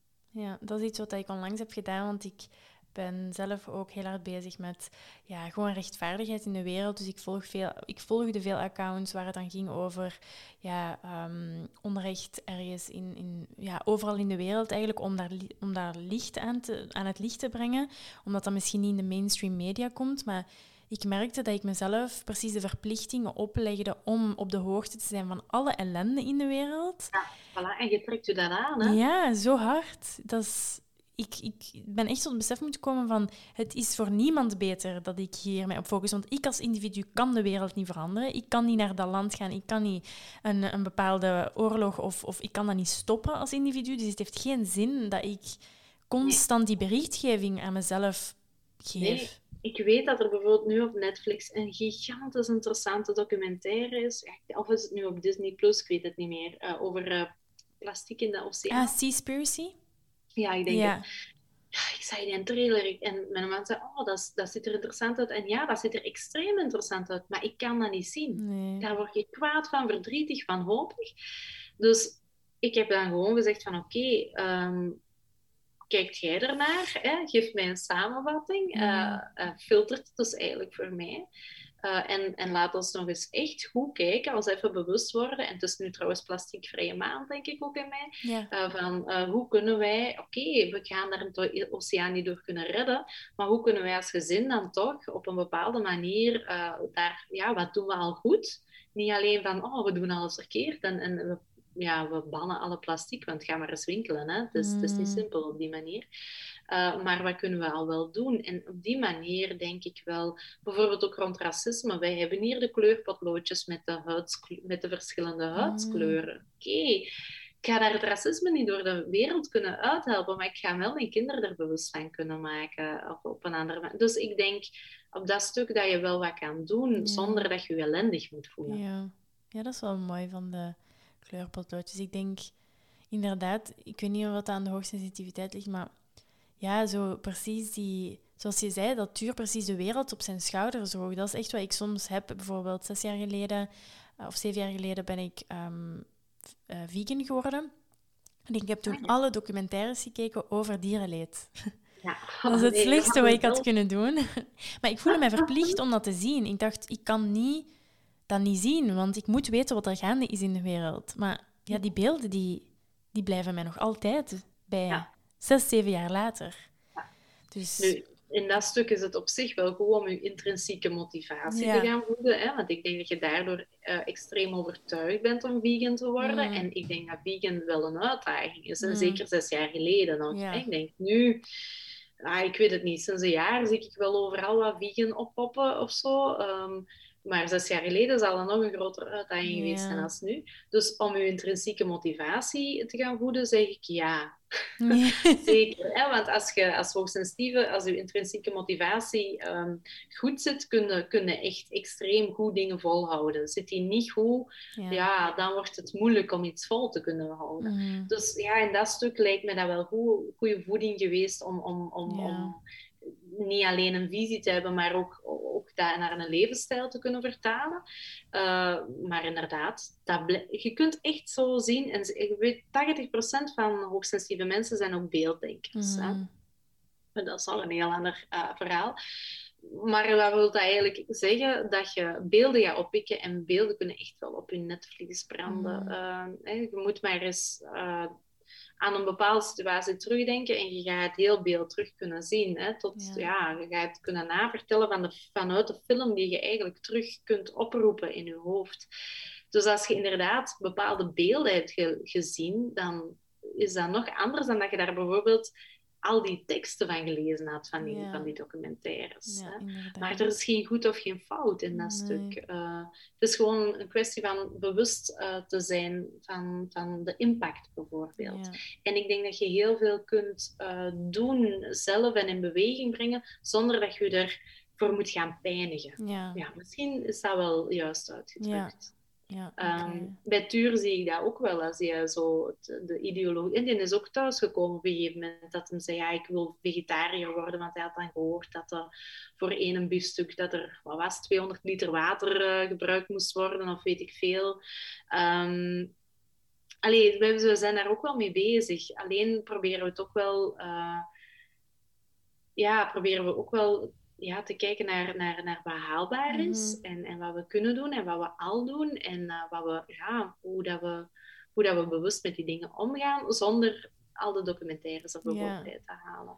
Ja, want ik denk dat het, fouten, hè? ik denk dat het misschien makkelijk is om um, een bepaald schuldgevoel of een bepaalde verwachting op jezelf te leggen dat je al die dingen dan moet gaan doen, want dat is wat er nu eenmaal nodig is om de wereld te gaan redden. Um, terwijl uiteindelijk, als, als je eens een stukje vlees, of het maakt niet uit wat, hè, of, het, of nu over vlees of over plastic gaat, ja, wij als individu hebben niet zo'n grote impact. En ik denk dat ik mezelf die impact heel vaak, of die verwachting heel vaak te hoog oplegde. Ja, um, klopt. Dus ja. Hè, dus je bent een deel van. En, en uh, je, weet wat dat daar wel leuk aan is, vind ik aan die dingen? Um, sta je stil bij in hoeverre dat je daarmee misschien één iemand kunt inspireren. Mm.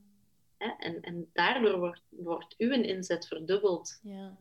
Hè? Dat is veel mooier om op die manier daarnaar te kijken dan te denken, oh ja, dat is hier ook maar een druppel op een hete plaat, hè, wat ik hier doe. Ja, wat, allez, ik hier wat vegan en, en, en eh, plasticvrij uit te leven. Maar ja, zie met een buurman, als je ziet wat voor PMD dat hij buiten zet, allee, ja, hè, dus wat, wat, wat, heeft het voor nut? Maar als je daarop gaat focussen, ga je eigenlijk altijd op het negatieve gaan focussen. Tegenover je zegt van, oh, ik weet wel uh, dat um, die kleurpotloodjes bijvoorbeeld, dat die nu ja, bijna door elke mama in de klas zijn gekocht. En, en mm. allee, dat dan kunnen zeggen van oké, het heeft misschien geen grote impact helemaal voor de wereld. Hè. We, gaan, we gaan racisme daar niet weg mee krijgen. Maar we hebben daardoor wel, het is eigenlijk door Tuur, um, door heeft hij weer anderen beginnen te inspireren en zo. En ik denk, probeer daar eens naar te kijken op het moment dat je denkt van ja, heeft het eigenlijk wel nut? Ja, het heeft wel nut. Ik doe het wel, want ik geloof er ook wel in. Maar ja, kijk, en die doet het toch niet goed. En eigenlijk, waar ga je het allemaal naartoe? Je gaat zeker wel iemand in je overtuiging, iemand mm. weten te inspireren, waardoor dat je jezelf wel zo maar eens even verdubbelt. Hè? Ja, inderdaad. Ja, en die gaat ook weer iemand misschien inspireren. Hè? Voilà. Allee, je, zorgt wel ergens voor, voor een, voor een kentering, niet voor miljoenen mensen, maar ja, samen kunnen we wel wat, wat betekenen. En dan ook zelfs niet, blijf trouw aan je eigen. Ik, ik geloof heel sterk in een eigen visie en... Ehm, wat goed voelt voor u, ga, ga u ook verder helpen. Ja. ja. Dus blijf daar maar trouw aan. Hoe dichter bij jezelf als hoogsensitieve, hoe trouwer aan jezelf, mm. hoe, hoe beter. Ja, inderdaad. Dat is iets wat ik probeer mezelf elke dag aan te herinneren. Ja. Ehm, ik wou het gewoon nog even hebben over uh, als hoogsensitieve persoon in een relatie, of, of, of het nu moeder, uh, kind of partner is, um, in relatie met een niet hoogsensitieve persoon. Omdat ik zelf, dus mijn, mijn vriend is niet hoogsensitief en uh, zoals ik daarnet al zei, sinds dat ik weet dat ik hoogsensitief ben, heeft dat heel hard geholpen in onze dynamiek om elkaar beter te begrijpen. Um, ik had ook heel hard last van verlatingsangst. Um, En dat is allemaal veel, veel minder en veel minder uitgesproken door te weten. Dus ik, wat dat wat ik eigenlijk wil vragen is wat dat jouw ervaring is met ehm, een relatie met een niet-hoogsensitieve persoon. Of er bepaalde tips zijn die jij hebt gevonden die kunnen helpen om, om dat eigenlijk een beetje te gaan ondersteunen. Mhm. Ehm, ja, ik, heb, ik, heb, denk dat ik ongeveer de meest nuchtere man uh, van de wereld heb, uh, tegengekomen uh, en daarvoor gekozen. En misschien is dat wel goed, dat is ook met een tegenpool. Dus ten eerste is het dan niet per se een betere combinatie. Hè? Dus je kunt, je kunt even gelukkig zijn in een relatie met een ook hoogsensitieve partner, um, maar evengoed met een niet hoogsensitieve partner. Er is, er is sowieso in dat stuk al geen goed of foute keuze. Ik denk dat het al heel belangrijk is om dat te weten. het is wel ehm, goed om te weten ja, dat jij zelf hoogsensitief bent en of uw partner al dan niet hoogsensitief is. Hè? Want dat, dat is wel... daar start het eigenlijk. Als je dan weet dat hij niet hoogsensitief is, hij of zij, ja, dan is het belangrijk om die even, uh, of zij of hij, uh, kennis uh, te laten maken met het kenmerk hoogsensitiviteit. Um, door ja, te vertellen wat de belangrijkste kenmerken zijn. En dan weet ik uit ervaring dat je best zo concreet mogelijk praat. Um, ik weet dat de niet-hoogsensitieve mensen heel weinig hebben aan, ja, ik voel veel en ik denk veel. Want ja, ja, Allee, ze gaan altijd ook alles vanuit hun referentiekader bekijken. Dus als je het wetenschappelijke stukje daarin kunt meegeven, dat zorgt wel voor, ja, voor een, um, ja, precies een, een, een ja, een bevestiging of zo. Allee, de, de, ik weet dat ze daar heel veel belang aan hechten. Hè? Mhm. Dus dat het niet zomaar een fenomeen is dat verzonnen is omdat jij af en toe wat dramatisch uit de hoek kunt komen. Maar gewoon dat dat effectief ja, onderzocht en bewezen is. En dat die, dat die drama of die intensiteit die we soms wel eens kunnen hebben, dat daar een oorzaak voor is. Hè? Dus daar ligt een belangrijke verklaring in dat, in dat wetenschappelijke stuk. Nu, um, daarnaast zeg ik altijd dat het heel belangrijk is om te weten dat een hoogsensitief brein dus een, ja, veel denkt en constant denkt. En een niet hoogsensitief brein um, ja, eigenlijk zichzelf wat op pauze kan zetten met momenten. Uh, ik heb daar trouwens op Instagram een heel leuk uh, ja, filmpje over gedeeld. Ik denk behind the scene of zo noemt dat. Hè, waar ik heel duidelijk vertel hoe dat ik ontdekt heb uh, dat mijn man in staat is om aan niets te denken. En ik dat dus niet kan. En dat was voor mij echt een, een eye-opener van je welste. Hè? Want dat was zo... Als je dat allemaal nog niet weet, hè, dan... Je dat zeker herkennen wat ik nu zeg. Hè? Zo de, de, de vraag van, ah, wat zit jij te denken? Als je je partner zo bedenkelijk ziet kijken. En dan dat het antwoord dan komt, uh, niks. En je denkt, dat kan niet. Hè? Er zal wel iets zijn, hij wil dat gewoon niet zeggen. Um, en iets later dan denkt hij, nou, nee, ja, zou nu misschien een slechte dag hebben gehad. En heel snel komt er reflex naar, heb ik misschien iets verkeerd gezegd? En dan gaan we dan nog eens vragen, um, alleen maar wat zit jij te denken? Zijn zo stil? En wat zit jij te denken? Aan niks. Maar dan komt er al een eerder geërgerde reactie, omdat ze denken, zeg mens, uh, hallo, er is echt niks, of ik ben echt aan niks aan het denken. En dan komt iets daarna meestal de vraag: is er iets? Omdat je aan het invullen bent en je, en je, ja, je mechanisme is gewoon... Dat, dat, dat volstaat niet voor een hoogsensitieve om, om ja, niet verder te gaan invullen. Uh, wij gaan altijd verder zoeken naar uh, puzzelstukjes. Mm. Naar als een antwoord voor ons niet compleet is, of, of dat we zoiets hebben van ja, klopt dat wel? Dan gaan we zoeken. Dan gaan we verder op zoek totdat we een soort van geheel kunnen vormen. Dus we gaan verder vragen. Maar er is misschien ook helemaal niks op dat moment. Ja, en dan kom je eigenlijk in misverstanden terecht, want dan wordt er maar meer geagiteerd gereageerd, terwijl dat jij denkt, zie, er is wel iets, hè, maar uh, oh nee, en dan zie me toch nog wel graag, hè, want uh, ja, allee, oh, dat heb ik misschien verkeerd gedaan. Ofwel ga je helemaal flippen in je kop, ofwel ga je overslaan en het pleasen, hè, en dan ga je ineens, moet je een badje pakken en weet ik veel wat je allemaal gaat voorstellen. Um, terwijl er misschien ook echt niks is dat er dus vanuit het niet hoogsensitieve brein effectief dat uw partner echt gewoon even aan niks aan het denken was. Maar dat is pas het laatste in een hoogsensitief brein als optie om te mhm. bedenken. Mm Je hebt eerst alle andere, alle andere soort van, van, van, van scenario's bedacht. Dat is een optie die, die je je eigenlijk niet kunt bedenken. Mhm. Of die je misschien zelfs bijna niet gelooft als je dat hoort van een andere. Maar toen ik dat door had hoe dat was, en mijn man zei dan, uh, ja, ik ben aan niks aan het denken, dan zei ik ook echt, ineens viel was dat duidelijk. En ze zei, oh, ik zei, oh my god, maar je kunt dat echt? en die zei, uh, ja. Ik zeg, maar ik zeg, maar nu snap ik het. Nu, nu, nu begrijp ik het. En dan had echt zoiets van, wat heeft ze nu gekregen? Maar dat was zo in mijn zoektocht, hè? zo van, van hoogsensitiviteit. Ik zeg, maar ja, ik kan dat niet. Ik zeg, ik kan dat niet. En omdat ik denk, omdat ik dat niet kan, denk ik dat als jij dat zegt, dat je aan het liegen bent. Dat dat niet waar is, dat er nog meer achter zit. Ik zeg, maar jij kunt dat wel. Ik zeg, maar waar, waar je echt aan niks aan denkt? Ik zeg zo, als zo, niks, zo flatline. Ja, ik was gewoon met een koffie aan het drinken, Bieke. En ik oh my god, ja, oké, ja, ja. En dan ik zeg, ja, maar ik kan dat niet. Ik zeg, ik denk altijd aan alles. En ik denk altijd achter ook altijd iets. En, en, en, en ja, en, ik was eigenlijk euforisch op dat moment. En ik zei ook, ik zeg, en die vraag, is er iets? Ik zeg, als jij niks zegt, ik zeg, dan is er ook echt niks. En jij zei, maar ja, dan is echt niks. En ik zei, ja, als jij dat mij vraagt en ik zeg, er is niks, ik zeg, dan is er heel veel meestal. ik zeg, dus dat, en ineens had ik het ook door aan mijn referentiekader, dat ik ook heel vaak vanuit daar dacht, maar hij even goed. En ik heb toen gezegd, kijk, voilà, ik ben hoogsensitief en ik denk dus wel constant. En um, voor mij is dat heel, allee, heel belangrijk om dat te weten. Dus nu is dat een openbaring. En nu kan ik die dat wel. Als hij zegt, er is niks, dan heb ik zoiets... Dan weet ik, ik vraag nog één keer ter bevestiging, er is zeker niks. En dan zegt hij, ja, Wieke, er is zeker niks. En dan zeg ik, oké. En we hebben ook de deal gemaakt, als hij dat zegt, we zien elkaar graag. Hè? Dat is ook zo. Er is ook een basisvertrouwen.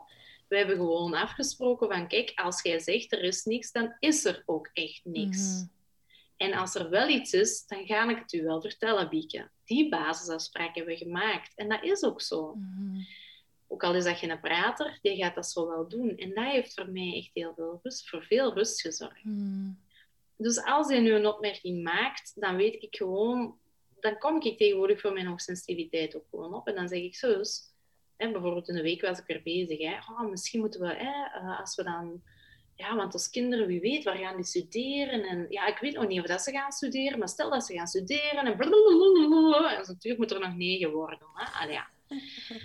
En dan zie je echt en dan zegt hij dat ook. En dan zegt schat, alsjeblieft, hij, is, hij moet nog negen worden. Waar zit jij nu weer al mee bezig? En dan zeg ik, stop hè. ik zeg, dat kan zijn. Ik zeg, maar ik denk nu eenmaal op die manier. Remember? Mm. En dan zegt hij, ah, dat is juist. Allee, goed. Wat wilde dan eens... Allee, vertel het dan maar, want dan is het uit het systeem. Ja. Dat is veel waard. Hoor. Ja, dat helpt veel. Zowel het begrijpen dat je anders denkt, als het ervoor opkomen, als de andere die ervoor open staat. Mm Dus, dus wat die combinatie. Hè? Dus, dus uw kennis over uw, uw uh, hoogsensitiviteit, die kennis delen. Uh, opkomen voor uw hoogsensitiviteit en de anderen die door die kennis ook mee hebben gekregen het er ook rekening mee wilt mm. houden. Ja. Want, en dat is eigenlijk in functie van je partner, want houd je daar rekening mee, dan houdt je nu mee in balans. Mm Houd je daar geen rekening mee, ja, dan zorg je er mee voor dat je, dat je begint te flippen. Of dat je begint te twijfelen aan je eigen. Of dat je onzeker wordt of boos wordt. Of ja, dat het allemaal heel nog maar erger wordt. Ja, dan kan het snel um, een negatieve spiraal escaleren. Ja. Niet normaal. Zowel uh, naar buiten gericht, maar ook uh, ja, in uw hoofd. Ja. Nou, explosies en implosies. Hè? Ja. Um, dus dat is het gevolg. Dat is, dat is iets wat ik um, heel hard herken. Het niet geloven dat er niks is. Ja, en, en inderdaad. dan zelf echt heel hard um, ja, scenario's, verhalen in mijn hoofd beginnen maken van oh, maar toen zei ik dat, of ik heb dit gedaan, zou dat zijn? En en dan daar ook niet direct voor uitkomen of niet direct communiceren, wat het dan ook niet echt beter maakt. Dus dat, heeft, dat is ook een van de vele voordelen die het traject al uh, heeft gebracht. En ik kijk er al naar uit, naar de module die, die voor de partner... Of voor de, de, ja, dus daar volgende week een programma om te maken. Oh, ja, vind ik super belangrijk, want als we partner mee is in dat verhaal... En, en ja, je gaat ook merken, ik ga dat ook super nuchter mm. opleggen. Hè?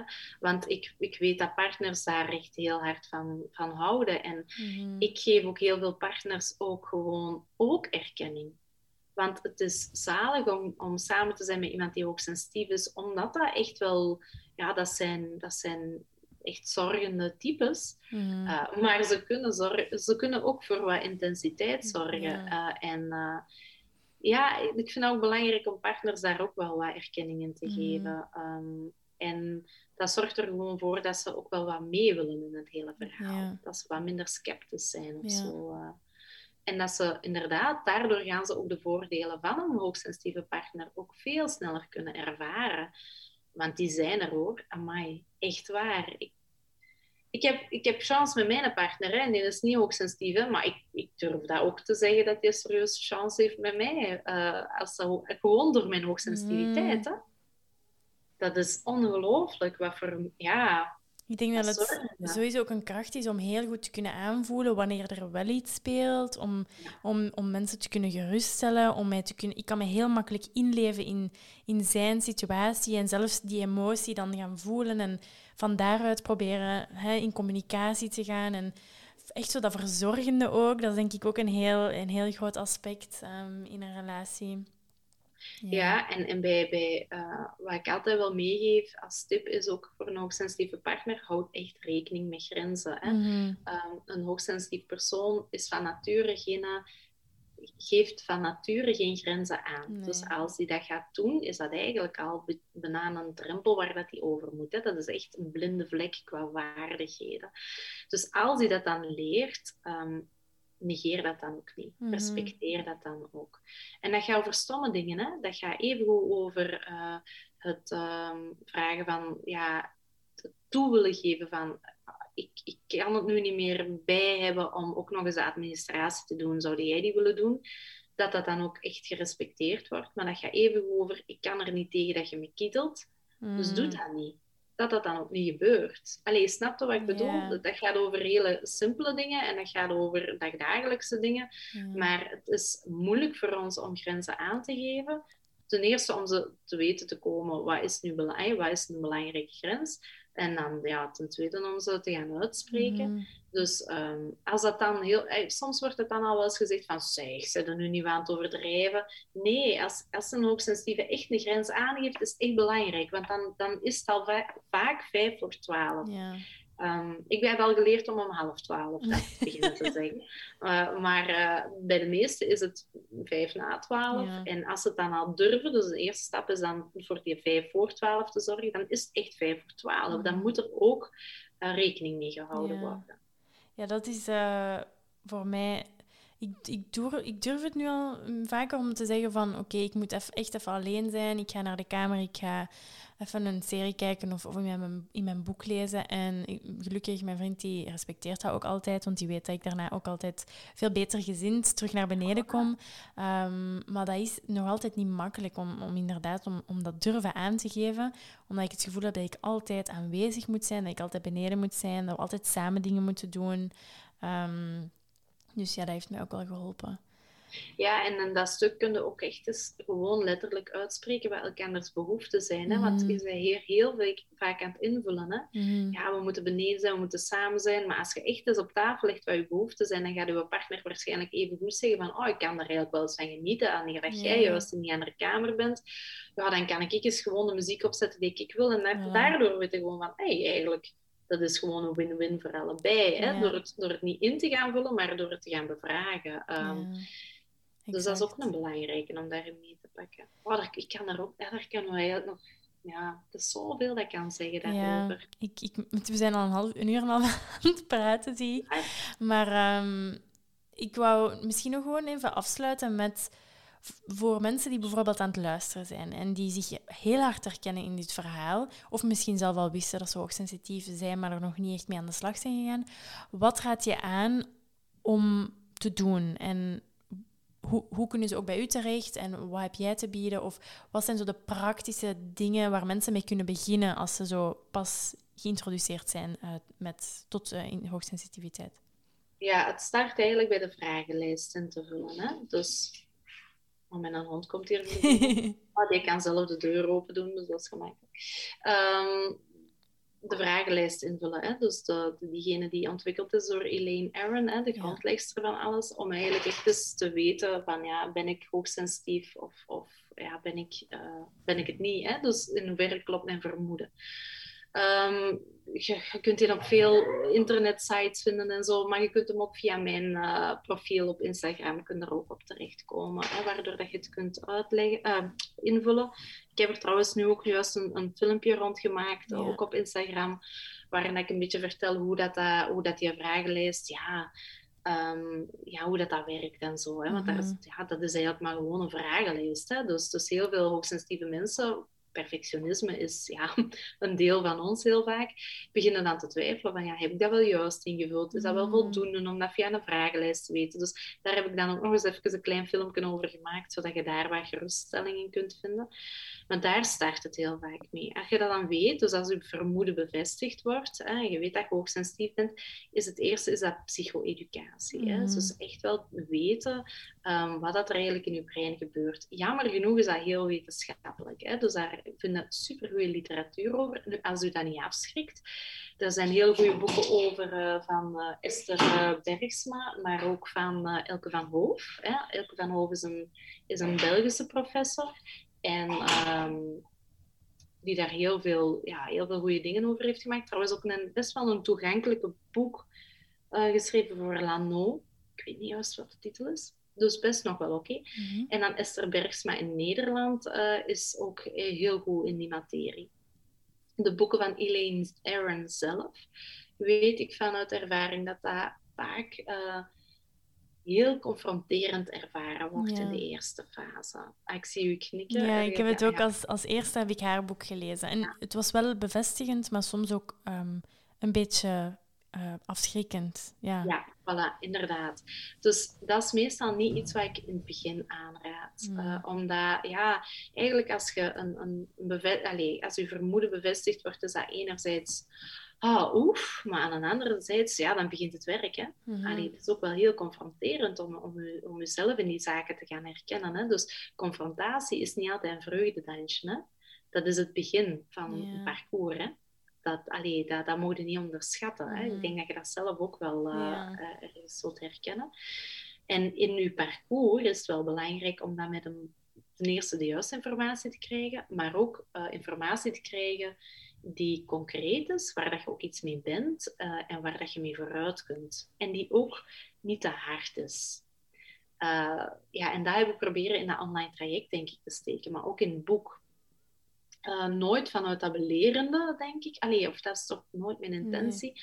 Maar wel van, kijk, hè, dit eh, kan ik delen. En als je dit weet, je raakt er gewoon... Ja, ik vind dat zelf... ja, ik zal niet zeggen dat mijn traject... ehm, maar dat moeten jullie allemaal maar zeggen, hè, want jullie zijn die deelnemers. Maar ik zelf, hetgeen dat ik deel, ja, dat heb ik zelf ook allemaal toegepast. Dus dat is eigenlijk al mijn kennis dat ik met jullie deel. Ik weet nu dat ik als hoogsensitieve echt wel gelukkig kan zijn. Mhm. En echt wel eh, rust kan ervaren. En best wel goed in mijn kracht en in mijn evenwicht eh, kan staan. Tegenover dat ik dat vroeger niet, absoluut niet. Ik was gewoon, ja, pff, ja ik was zo'n een losgeslagen projectiel, onderhevig van aan wat dat er op mij afkwam. En, en Mhm. daar reageerde ik daarop. Dus nu, nu, nu niet meer. Ja. Ehm, dus ja, zie welke informatie dat je pakt. En, en zoek naar wat, wat voor u goed voelt. En ik denk dat dat heel belangrijk is, dat dat, dat dat juist voelt. En wat is juist? Ja, dat is voor de ene dit en dat is voor de andere dat. Nu, ik heb dat wel in dat online traject heel hard proberen te doen. Uh, nu, ja, het is wel prijzig, dat weet jij ook, hè, het online traject. Maar het is is, een het, helemaal, investering, eh, hè? het is het helemaal waard. ja, ah, wel, eh, super. Ja, dat was ook de bedoeling. Hè? Dus ik deel ook wel echt al mijn Ja. waarden eh, zonder iets achter te houden. En dat mis ik soms wel in andere trajecten of in andere boeken. Blijf- Je blijft zo wel op hun honger zitten. Mhm. En ik denk als hoogsensitieve en, en je hebt die confrontatie gehad, oké, je wilt er dan mee leren omgaan, maar dan heb je ook echt wel die praktische tools nodig om verder te gaan. En dan liefst ook gegeven door iemand die wat ja, toegankelijk eh, het brengt of mild het brengt. Eh, en dat probeer ik denk ik wel te doen. En ik denk dat je dat wel merkt in mijn Instagram, maar ook in het boek. Ehm, eh, ja, vind ik wel belangrijk. Ik zal zo zeggen, ik geef het op de manier zoals ik het als hoogsensitieve heel graag had gehad. Ja. Dus ik, ik geef eigenlijk nu mee wat ik zelf ooit heel hard gemist heb. Mhm. Eh, denk en voor mij de- is het te laat. ik bedoel, niet, het is niet te laat, het is allemaal goed gekomen met mij. Maar eh, ja, ik geloof erin dat do- door bijvoorbeeld het boek en het traject, dat waar dat ik jaren over heb gedaan, dat je dat eigenlijk aan de hand van zo'n traject ja, in, een, in een korte tijd heel veel hebt om, om echt Ja. stevig verder te kunnen. Ja, dat denk ik. Ik ben Ik heb al zoveel. Ik heb hier ehm, op mijn prikbord naast mij het papier hangen van destructief naar realistisch of constructief denken. En daar echt vaak dat ik daar naar terugkijk en die lijst uh, overloop. Dus we hebben echt wel heel veel tools dat we meekrijgen in, in het uh, traject. Um, gaat er nog een tweede ronde komen? Ja, er gaan nog een tweede ronde komen. Um, ik denk dat ik die... Een, ja, ik, ik, heb ook een traject voor hoogsensitief ouderschap en hoogsensitief opvoeden. Nu waren die zo wat gecombineerd. Ja. Je kon zo nog een vervolgtraject doen. Uh, maar die ga ik dan uiteindelijk uit elkaar ook halen en apart uh, ja, verkopen. Hè, want ja. daar, daar, gaat het uiteindelijk wel over omdat er gewoon heel veel nood aan is. Dus er komt een tweede ronde. Dus mensen kunnen zich gewoon al inschrijven via uh, mijn profiel al ja, op, op een soort van wachtlijst is niet. Uh, maar het is, ja, het is dat je kenbaar maakt dat je interesse hebt, zodat ja. ik je vrijblijvend wel op de hoogte kan brengen um, van wanneer de deuren terug gaan opengaan. Het is wel de bedoeling dat het opnieuw beperkt blijft. Hè? Want mm. wij doen nu ook Zoom-sessies. Hè? Uh, een paar, um, ja, ik denk een vier of vijftal, denk ik.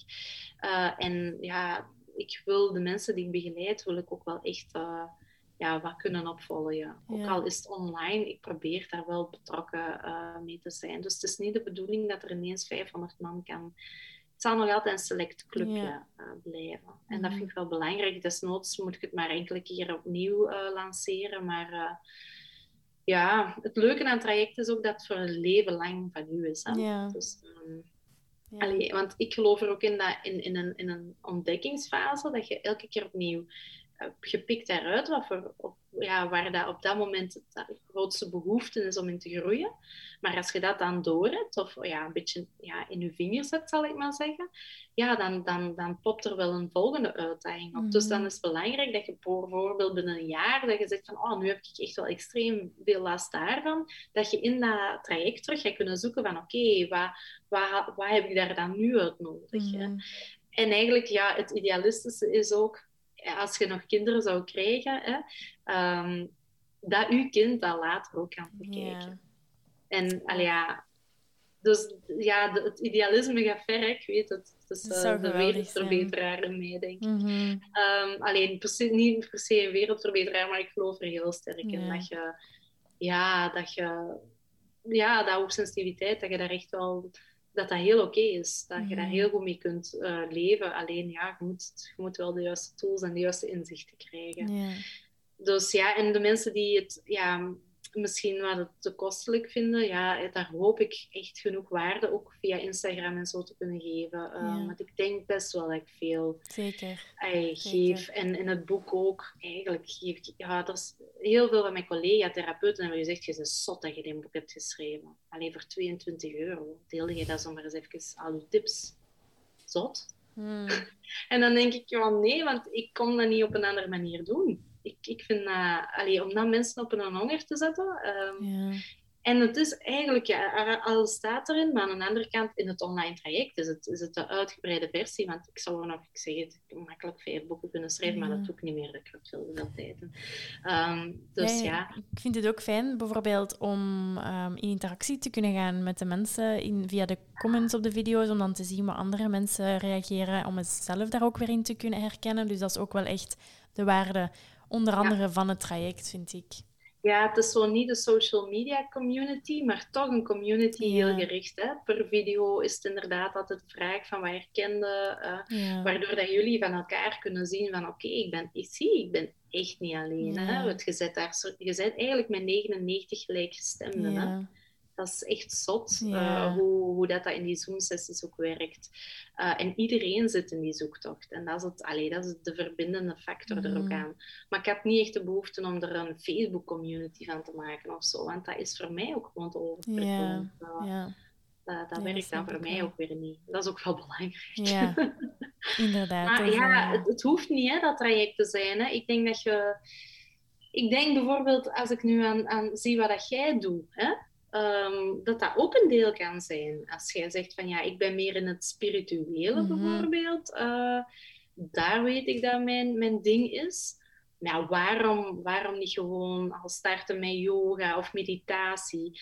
Uh, dat kan. Ik, allee, ik denk dat je vooral moet voelen wat goed voor je voelt. Uh, en ik denk ook dat het een en-en-en verhaal uh, is. ik start altijd heel graag, maar dat, dat is ook mijn beroepsmisvorming. Hè. Ik, ik, ik hou van inzichten, hè, psychologische mm. inzichten en... en concrete tools en, en inderdaad, hoe, hoe, hoe vertaalde uw denken naar, naar iets wat beter werkt.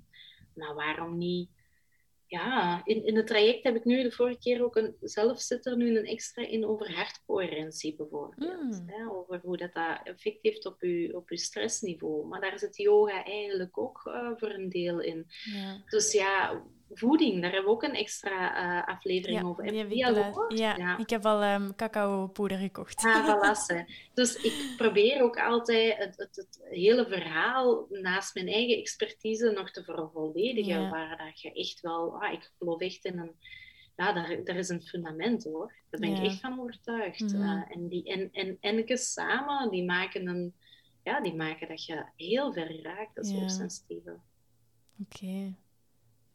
Oké ja. nog twee vragen. Ja, ik, ik, maar er is zoveel om erover over te zeggen. En ik had nooit gedacht dat er zoveel over te zeggen kon zijn. Dus ik ben heel blij dat ik weet dat het um, ergens een heel divers en complex uh, kenmerk is. En dat het niet zomaar, uh, ik ben hoogsensitief, dus ik ben dit en ik ben dat en ik kan dit niet doen. Of, um, dus dat heb ik al heel hard geleerd uh, uit het traject. Dus ik ik wil u vooral heel, heel hard bedanken in de eerste plaats om de, de tijd te nemen voor dit interview, voor uh, zo lang met mij te babbelen en om het traject te maken. Ik, ik denk dat ik er nog zoveel uit ga leren en ik zou iedereen die aan het luisteren is vandaag en die zich herkent in dit verhaal, aanmoedigen om je te volgen op Instagram, om, om zich in te schrijven op de wachtlijst, want ik denk dat het misschien zelfs de, de beste ja, stap kan zijn naar meer rust, meer balans en gewoon meer zelfkennis en zelfacceptatie ja, het is een moeilijke, hè, omdat je uiteindelijk wel heel hard voor jezelf kiest. Hè. Je mm. maakt een serieuze investering, financieel ook voor jezelf. En laat dat nu net het moeilijke zijn voor een hoogsensitieve om voor zichzelf te kiezen. Hè. Uh, nu, als je dat dus doet, dat is al een hele stap vooruit. hè? Mhm. Als je voor één keer voor jezelf durft te kiezen. Hè? En door dat voor jezelf te kiezen, kies je eigenlijk onrechtstreeks ook voor de rest. Want als jij beter in balans blijft, ja, dan blijft je omgeving ook mee in balans. Hè? Dus uh, en dat is juist, denk ik, de valkuil. Hè? We focussen zo hard op, het, op de balans te willen creëren voor onze omgeving, waardoor dat we ja, volledig zelf uh, niet aan onszelf denken en, en volledig ja, uitglijden. Hè? Ja. Dus ja, ik, uh, ik, hoop het inderdaad dat het, dat het wat kan helpen voor... Uh, ja. Ik ga sowieso alles in de beschrijving van de aflevering zetten, dat ze u kunnen vinden op Instagram, op de website, uh, zich kunnen inschrijven op de um, wachtlijst of dat ze de test kunnen um, invullen om te zien of dat ze hoogsensitief zijn. Um, maar dus nog eens heel erg bedankt, Beke, om deze tijd te nemen. En ik kijk er al naar uit om de komende dagen de volgende video's van het traject te bekijken om me verder voor te bereiden op, mijn overgang naar het normale leven. Exit. Ja, ja, exit, uh, dat is wel een goede naam eigenlijk. een goeie. Heel veel succes daar ook mee. En met heel veel plezier uh, gedaan hoor. Ik doe dat heel... Als, ik praat daar graag over. Dus uh, geen enkel probleem. Daar, okay. daar mogen we altijd daar kunnen we niet voor storen. Ja, okay, super. Merci dus voor de uitnodiging en heel veel succes met alles. Dankjewel.